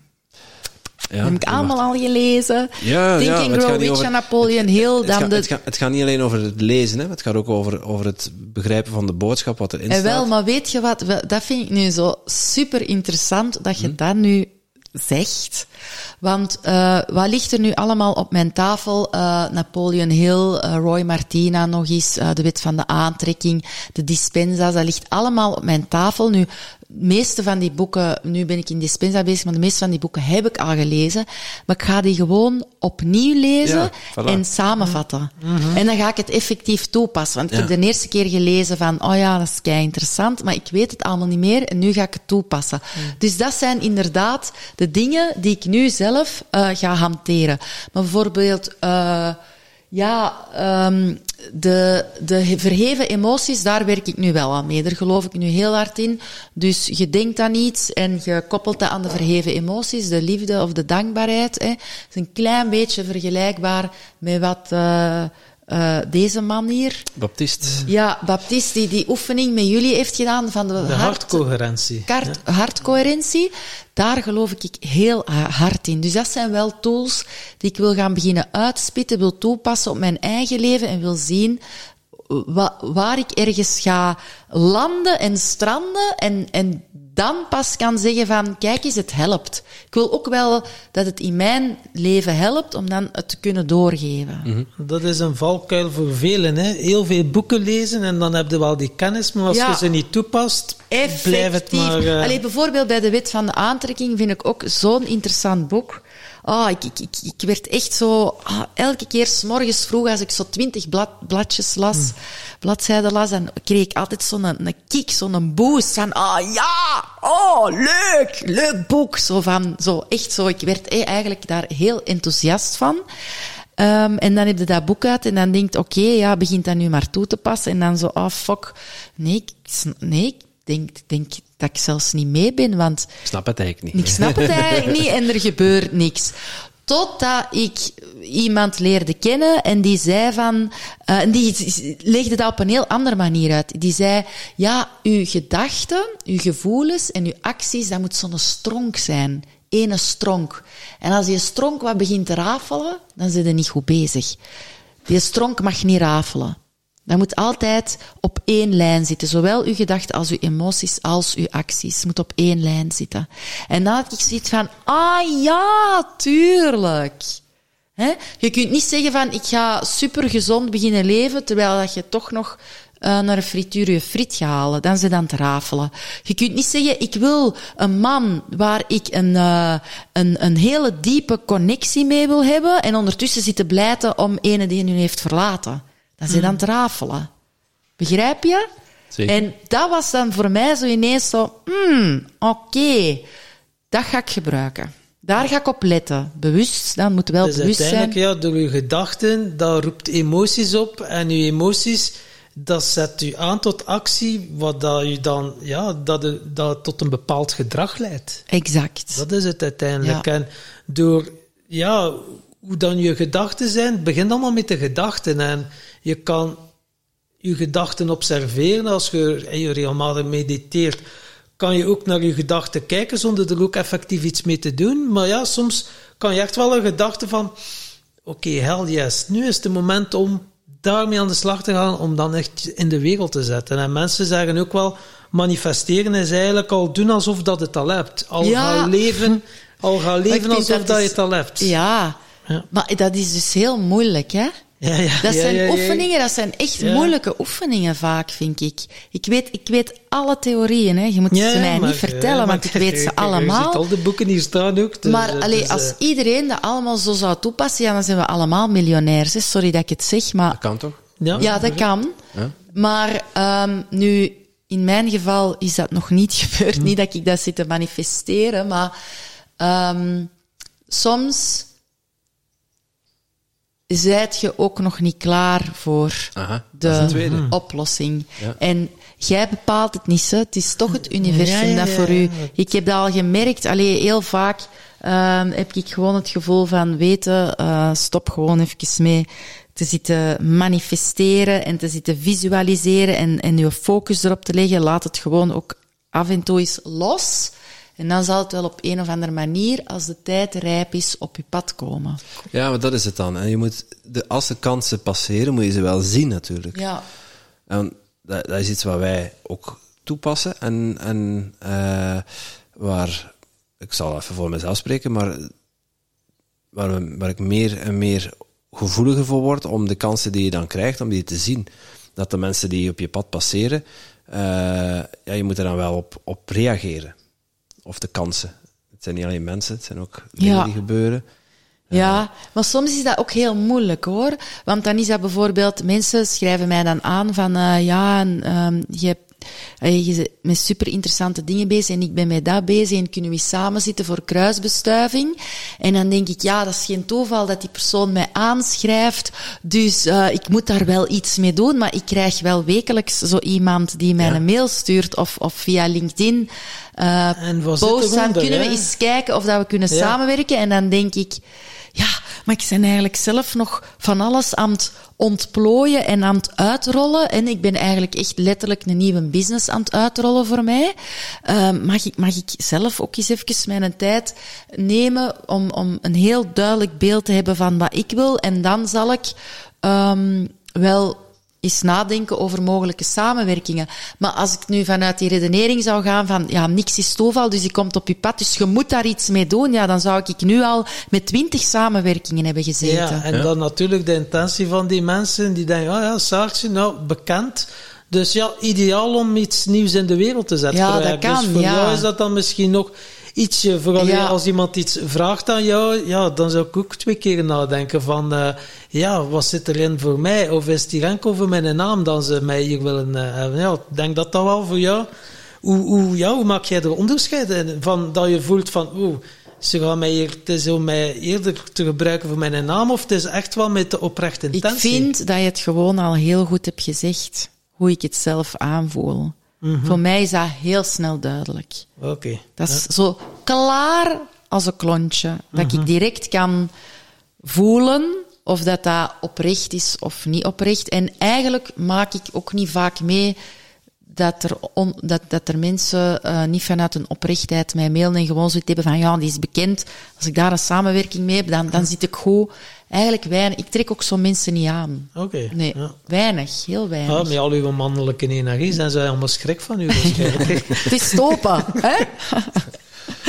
Maar ja, ergens, eh, ergens voel, voel ik wel dat je zegt van ja, die, die kansen. eh, ik vind het heel moeilijk om dat te onderscheiden van waar Ja. moet je op ingaan, waar moet je niet op ingaan. Hoe, hoe maak je dat onderscheid? En wel, maar dus dat is dan bijvoorbeeld van, je bent met iemand een, een, een gesprek aan het aangaan en je zegt hem van, ja, maar je moet dat, je moet eh, dat boek lezen. Dat is echt wel... En dan denk ik, kijk, dat komt altijd, zo'n dingen komen altijd heel goed bij mij binnen. Hè. Dan sta ik daar even bij stil van, ehm, dat is geen toeval dat hij dat boek noemt, dus ik moet dat dan echt gaan bekijken. En heel vaak ga ik dan ook eens naar die website of naar dingen en dan zeg ik, nee, nee, nee, nee, ik voel het niet. Het is niet iets, het is niet mijn pad. Dus ja, niet alles wat zomaar op je pad komt, is iets waar jij dan per se iets mee moet doen, want dan zet je gewoon ehm, ja, met te veel bezig. Ja, maar ik ja. heb ook wel het vertrouwen dat ik de juiste dingen eruit pik of de juiste mensen. Ja, als Het wij op al onze uitnodigingen moeten ingaan, zijn we nooit meer thuis. En wel, het is dat. Ik bedoel, ja. En is in een boek, het kan ook maar één inzicht hè, dat erin staat. Dat is uit een boek gaat, dit een boek, en dat hij hem open doet en dat hij gewoon dat leest. En dan zegt wow, en dat is dan het mega inzicht. En eigenlijk de rest van een boek hoefde dan niet te lezen. Exact. En, maar ja, Ja. dat is voor mij ook een moeilijke balansoefening. Zo, want dan denk ik van, nou ja, een boek, het is inspirerend en je wilt hem dan volledig Ja, uitlezen. wel, ik kan dat ook niet, dan zo'n boek ik van... niet ja, uitlezen. ja, dat is dan ook voor mij zo, oké, nu lees ik er wat vlotter door en zie ik zo, oh, waar gaan mijn ogen naartoe? Ah ja, en maar dat is ook oefenen uiteindelijk. En het, Ja, en, en zo'n boek zoals bijvoorbeeld Think and Grow Rich, hè, eh, dat, voor mij heeft dat heel veel eh, deuren geopend. Ja. Naar, eh, inzichten die ik niet, niet wist over mezelf. En eh, ik, heb, ik heb het bestudeerd, ik heb het meerdere keren gelezen. Ja, zie je? Dus dat is wat ik nu ga doen, hè. En ehm, ook het, iedere keer als je zelf in een andere fase zit, bijvoorbeeld een van onze, eh, van onze eh, oude mentoren is Michael Pilarczyk. Die Ja, heeft, die ja. heeft Think Rich bijvoorbeeld En vertaald. wel zijn een boek, eh, ehm, ehm, Master Your Mind. Master- Your Mind, ligt ook- onder andere ook gaat- klaar gaat om ook te herlezen. leiderschap, ja, hè? ja.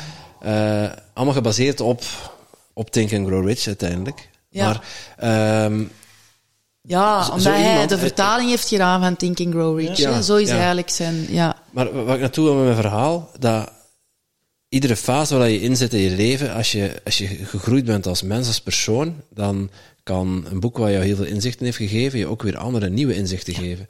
Want je haalt er altijd dat uit wat je op dat moment nodig Exact. hebt. Zelfs met een podcast. Mensen die naar deze podcast luisteren en die dan eh, aangaan op, op, op een bepaald onderwerp. Ja, als je volgend jaar naar diezelfde podcast zou luisteren, dan ga je misschien aan op een heel ander onderwerp. Ja.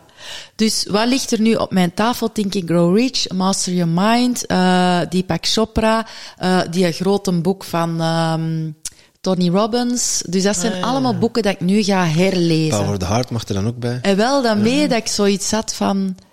Power of the Heart lijkt mij ook wel interessant om dat nu te lezen. Dispenza, ook Dispenza is nu op de juiste moment in mijn leven gekomen. Ik kende Dispenza al heel lang, maar ik heb eigenlijk nooit... Ik had die een boek al twee jaar, nooit in begonnen. En nu ben ik daarin begonnen. En ja, oh, ik geniet daar zo van. Ik vind dat ik word daar zo blij van, van die dingen te lezen. Zo van, oh wauw, ik kan nog wel verder evolueren met al die tools dat zij aanreiken. Ja, en dat, dat is dan die synchroniteit waar, we, Ja. waar ze het dan over hebben. Want jij, jij komt hier binnen, je zet, je zet u achter een micro. Ah ja, ik heb een paar podcasts van, eh, van jullie nog geluisterd. Onder andere die met Baptiste Papen. Ja. Kijk, Tom die gaat naar boven. Eh, jij vraagt naar die film, Tom die gaat naar boven om die dvd te halen die hier nog ligt. Ja, en zo gaat zo het. simpel is het. En ik Ja, weet ja. nu al dat je mij iets... Dat je mij Ja. verder gaat zetten. Ja, maar het is wel inspirerend. Dat is echt wel het... Wie, wel- wie, wat voor een man is dat eigenlijk, die een baptist? Een eh aimabele man. Ja? Amabele man, ja. Echt, eh, ja. Iemand die... eh, Toffe P. Is er Ja. een foto, staat er een foto in, van, in dat boek van hem? foto, ik was me aan het ja, afvragen van hoe zou die daar nu uitzien?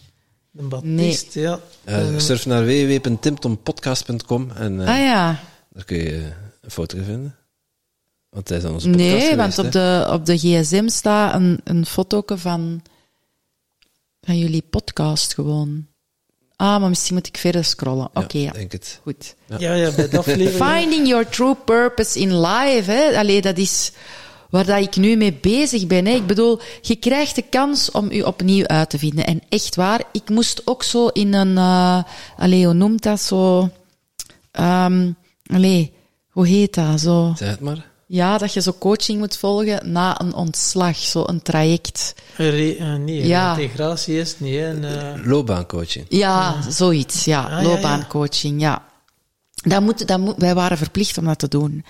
En uh, dus ik dacht, oké, okay, dat is keigoed. En kan, alles ligt open. Ik begin van een wit blad en ik ga nadenken wat ik ga doen. En uh, dat was elke dag, elke dag stond ik op met een ander idee. Ik ga in de politiek. Ik ga Greenpeace, voor Greenpeace werken. Ik ga een eigen politieke beweging opstarten. Ik ga ergens uh, op een boerderij gaan werken.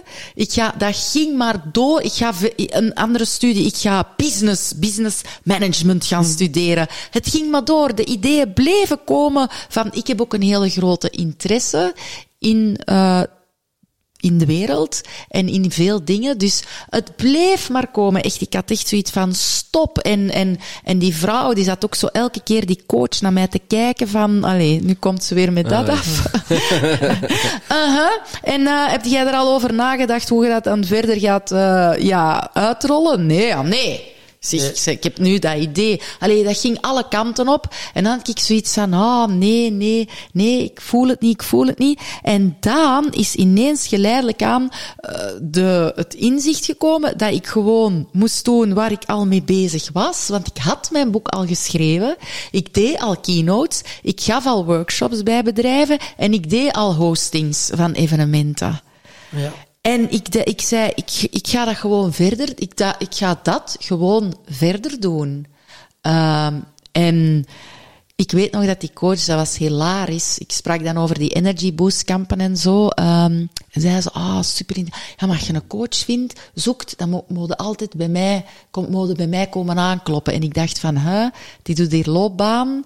Uh, trajecten en die eigenlijk was die haar zelf uh, op een dienbladje aan het aandienen. En ik da, dan wist ik van ik zit goed.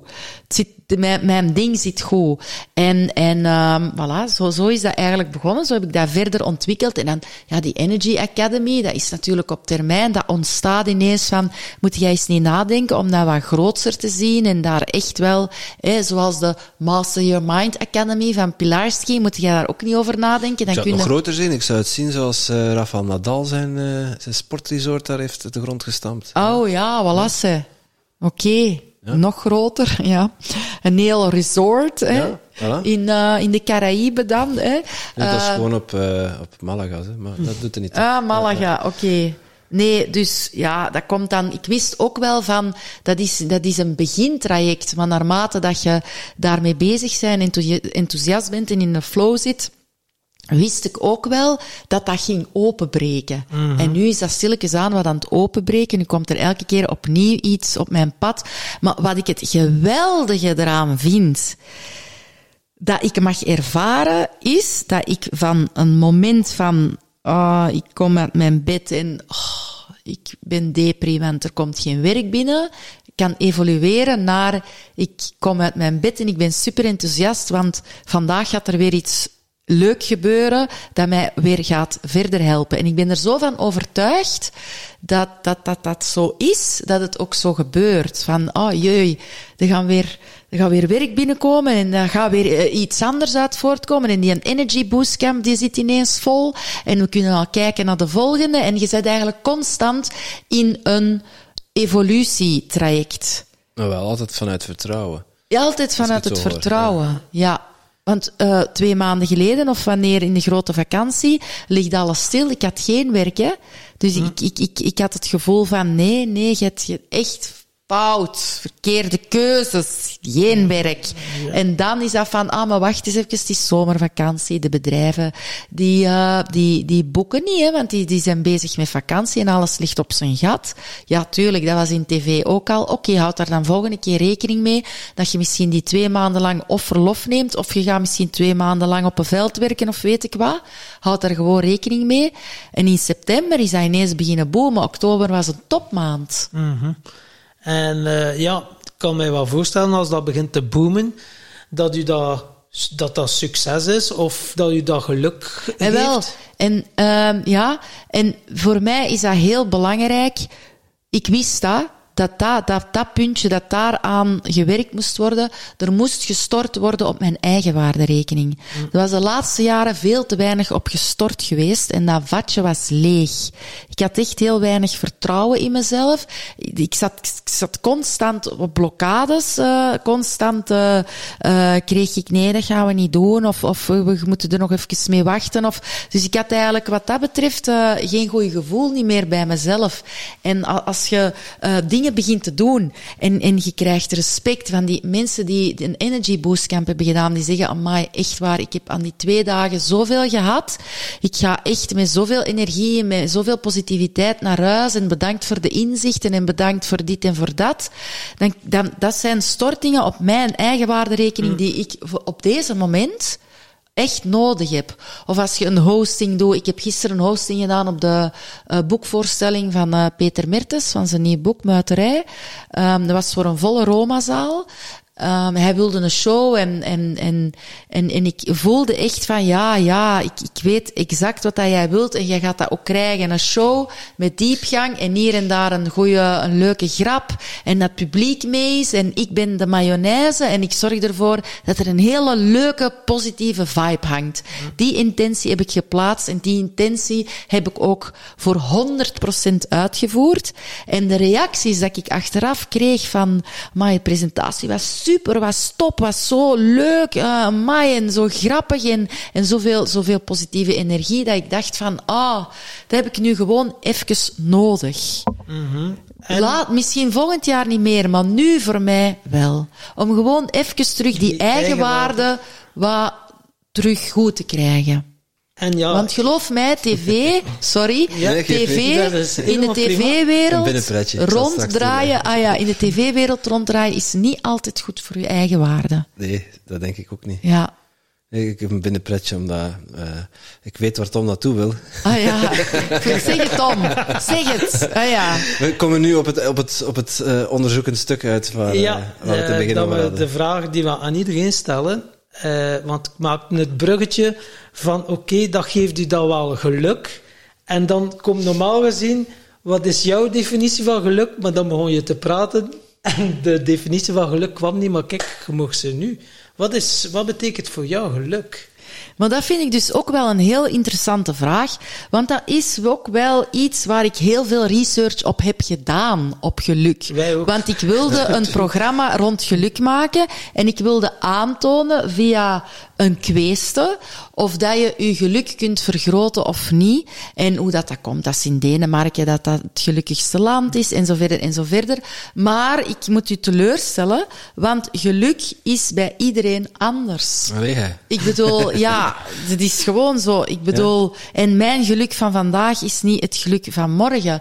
Dus, allee, er zijn mensen die heel hard toespitsen op hun ban- bankrekening en op centen en op hebben, hebben, hebben, materialisme, maar dat geeft mij geen geluk. Als het Voor niet mij- leeg is, dan, heb ik, dan, dan denk ik, oh, ik heb geluk. Ja, ja, ja. voor mij is geluk eigenlijk connectie. Dat is voor mij nu, op Met deze moment, geluk met met- mensen, met mensen. Met Ja. je- en met jezelf Ja, ook. en met uzelf, ja. Ja, Ja, ja, ja. Connectie. Dus als je het gevoel hebt van dat je heel goed connecteert en dat je fijne, warme mensen hebt waar dat je je veilig bij kunt voelen en waar dat je helemaal kunt ontplooien en groeien, dat vind ik echt een, ja, dat vind ik geluk. Ja. Ja. Dat is mooi. Ja, we hebben, het, we hebben die vraag al aan 180 mensen Ja, gesteld. en wat, wat is, En, en mijn ja, onze conclusie is ook, is voor iedereen ja. Anders, verschillend. 170 verschillende definities hebben we van geluk. En wat is het meeste bijgebleven van, Ik denk dat, dat dat, het, dat iedereen voor zichzelf moet uitmaken wat succes Ja. voor hem betekent. Of geluk, Geluk. sorry. Ja, geluk en succes Ja. vragen we alle twee. Eh, en ja, dat het ook veranderlijk is. We hebben ook al gasten twee keer in onze podcast gehad. En eh, dan krijgen we eh, na een jaar, anderhalf, twee jaar later, krijgen we een ander antwoord. Ja. En als we dat jou volgende week vragen, krijgen we misschien ook weer een heel ander antwoord. Ja. Dus, Ja, het. stel nu dat ik eh, ja, niet meer zou kunnen lopen of zo, dan zou mijn eh geluksultieme wens zijn dat ik terug kan lopen. Allee, begrijp je? Dat hangt ook wel een beetje af van hè, Ja. geluk. Allee. we, we hebben ook iemand in de podcast gehad, en Ja. die, die zal dit waarschijnlijk ook luisteren, want dat is een vervent luisteraar. Paul Kuipers. die, Dag Paul. Ja, die kan, die kan niet lopen. En wat was Die zijn... kan niet eens zijn eigen gat afkuisen. Ah ja. Hè? Dus, en die mens is ook gelukkig. Ja. Omdat die misschien het geluk dan... Ja. Hij is ook mindset coach. Zij helpt Ja. mensen daarmee. Eh, dus ja, het is, het, is, het is iets persoonlijks. Het is iets... Iets veranderlijks en iets persoonlijks. Ja. Ons gaat geluk en succes gaan hand in hand. Eh, dus ik ben ook Ja. wel benieuwd. Ja, succes, wat betekent dat voor jou? Ja, dus succes, dat is ook, ik zeg het, ik, daar heb ik ook heel hard op gewerkt, op eh, succes, op research, Ehm, op, op geresearched, ehm, omdat ik dat ook wilde aantonen, of dat je dus je eigen succes kunt vergroten. Ik ben wel een believer.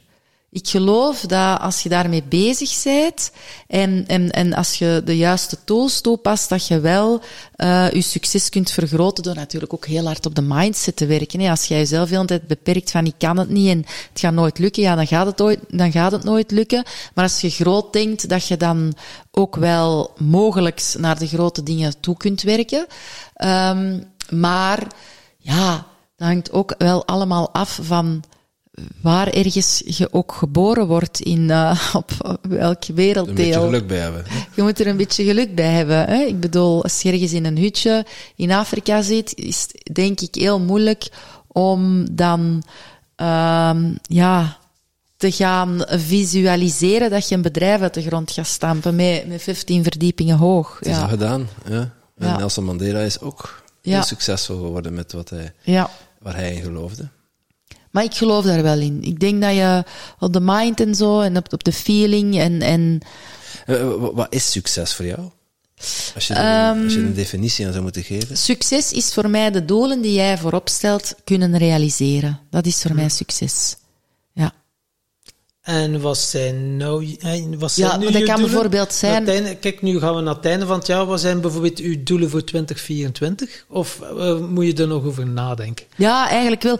Maar ik wilde zeggen van, ja, soms kan dat zijn van, ik wil een heel goede moeder zijn. dat- En, en, en, en, en ik ben ook een heel goede moeder. Dus dat is voor mij al een grote succesverhaal eigenlijk. Dus succes hoeft niet altijd gepaard te gaan met carrière en met geld. Hè. Ik bedoel, succes Ja, kan ook zijn, ik wil, popu- en ik wil heel veel vrienden hebben. Um, dus mijn, mijn, uh, mijn traject dat ik nu volg, of dat ik nu, waar ik, wat ik succesvol wil maken, ik zal het zo zeggen, is wel echt om uh, te connecteren weer al, om, om uh, te, te bounden, om, om heel veel, om, om, om um, ja, met heel veel fijne mensen rond mij te werken en vooral om samen te werken. Mm-hmm. Samen, samen, samen is mijn, mijn woord. Ja. Happy Together. Yes. Ja, we hebben daar een liedje over geschreven. Ja. Ja. Jij? Nee, nee. Ah, nee, Happy Together, ja, ja. En, en, en De ja, dat, was het? Ja. ja, en dus dat impliceert niet alleen op werkgebied samenwerken, maar natuurlijk ook relationeel. Dus dat zijn mijn twee werkpunten. Ja, mooi. En uh, jij mag veel werk, hè? ja, veel werk. En Ja, nu, nu komt nog het grootste werk. Jij Ja? moet de, een, vraag bedenken voor onze volgende gast. Ja, Ja, en dat is? ja wij zeggen dat niet. Het Ah. is leuk dat de vraag, ook de luisteraars, de luisteraars dan die uh, ook die vraag kunnen Ik uh, zou van de volgende gast graag willen horen um, wat zij denken dat een relatie succesvol maakt. Wat belangrijk is in een succesvolle of hartelijke relatie. Dus wat vind jij belangrijk in een hartelijke of succesvolle ja, relatie? in een relatie. Uh, koppelrelatie, hè? ik Ja, bedoel. een liefdesrelatie. Liefdesrelatie, ja. Wat het geheim is van Ja, een goed koppel. Wat is het geheim? Volgens jou? Ja, ja, nee, ik moest, ik moest de vraag stellen. Hè. Dat is om, ik stel deze vraag omdat ik het antwoord nog, niet nog niet Ja, want nu weet. doet er mij aan denken, eh, we hebben de vraag van de vorige gast nog niet aan u gesteld. Ah, ja. Ja, Oké. wat is de Ah, ja. emotie wat op dit moment het meest leeft in je kern? Mai. Wat wil dat zeggen over je kern? Heel goede vraag. En wie, van, wie, van wie is dat? Mag ik ook niet Van weten. Joris, de organisator van het Mannenfestival. Oh, leuk. Ja. Eh, op deze moment zijn er twee emoties waar ik heel hard mee bezig ben.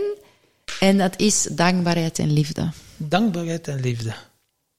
Natuurlijk, dat zijn ook emoties die energetisch heel hoog zijn. Aangezien dat ik zoveel met energie bezig ben, is het voor mij heel belangrijk dat ik die hoge eh, frequentie ook wel ehm, ja, aanhaal, hè, dat ik daar de- vaak zit.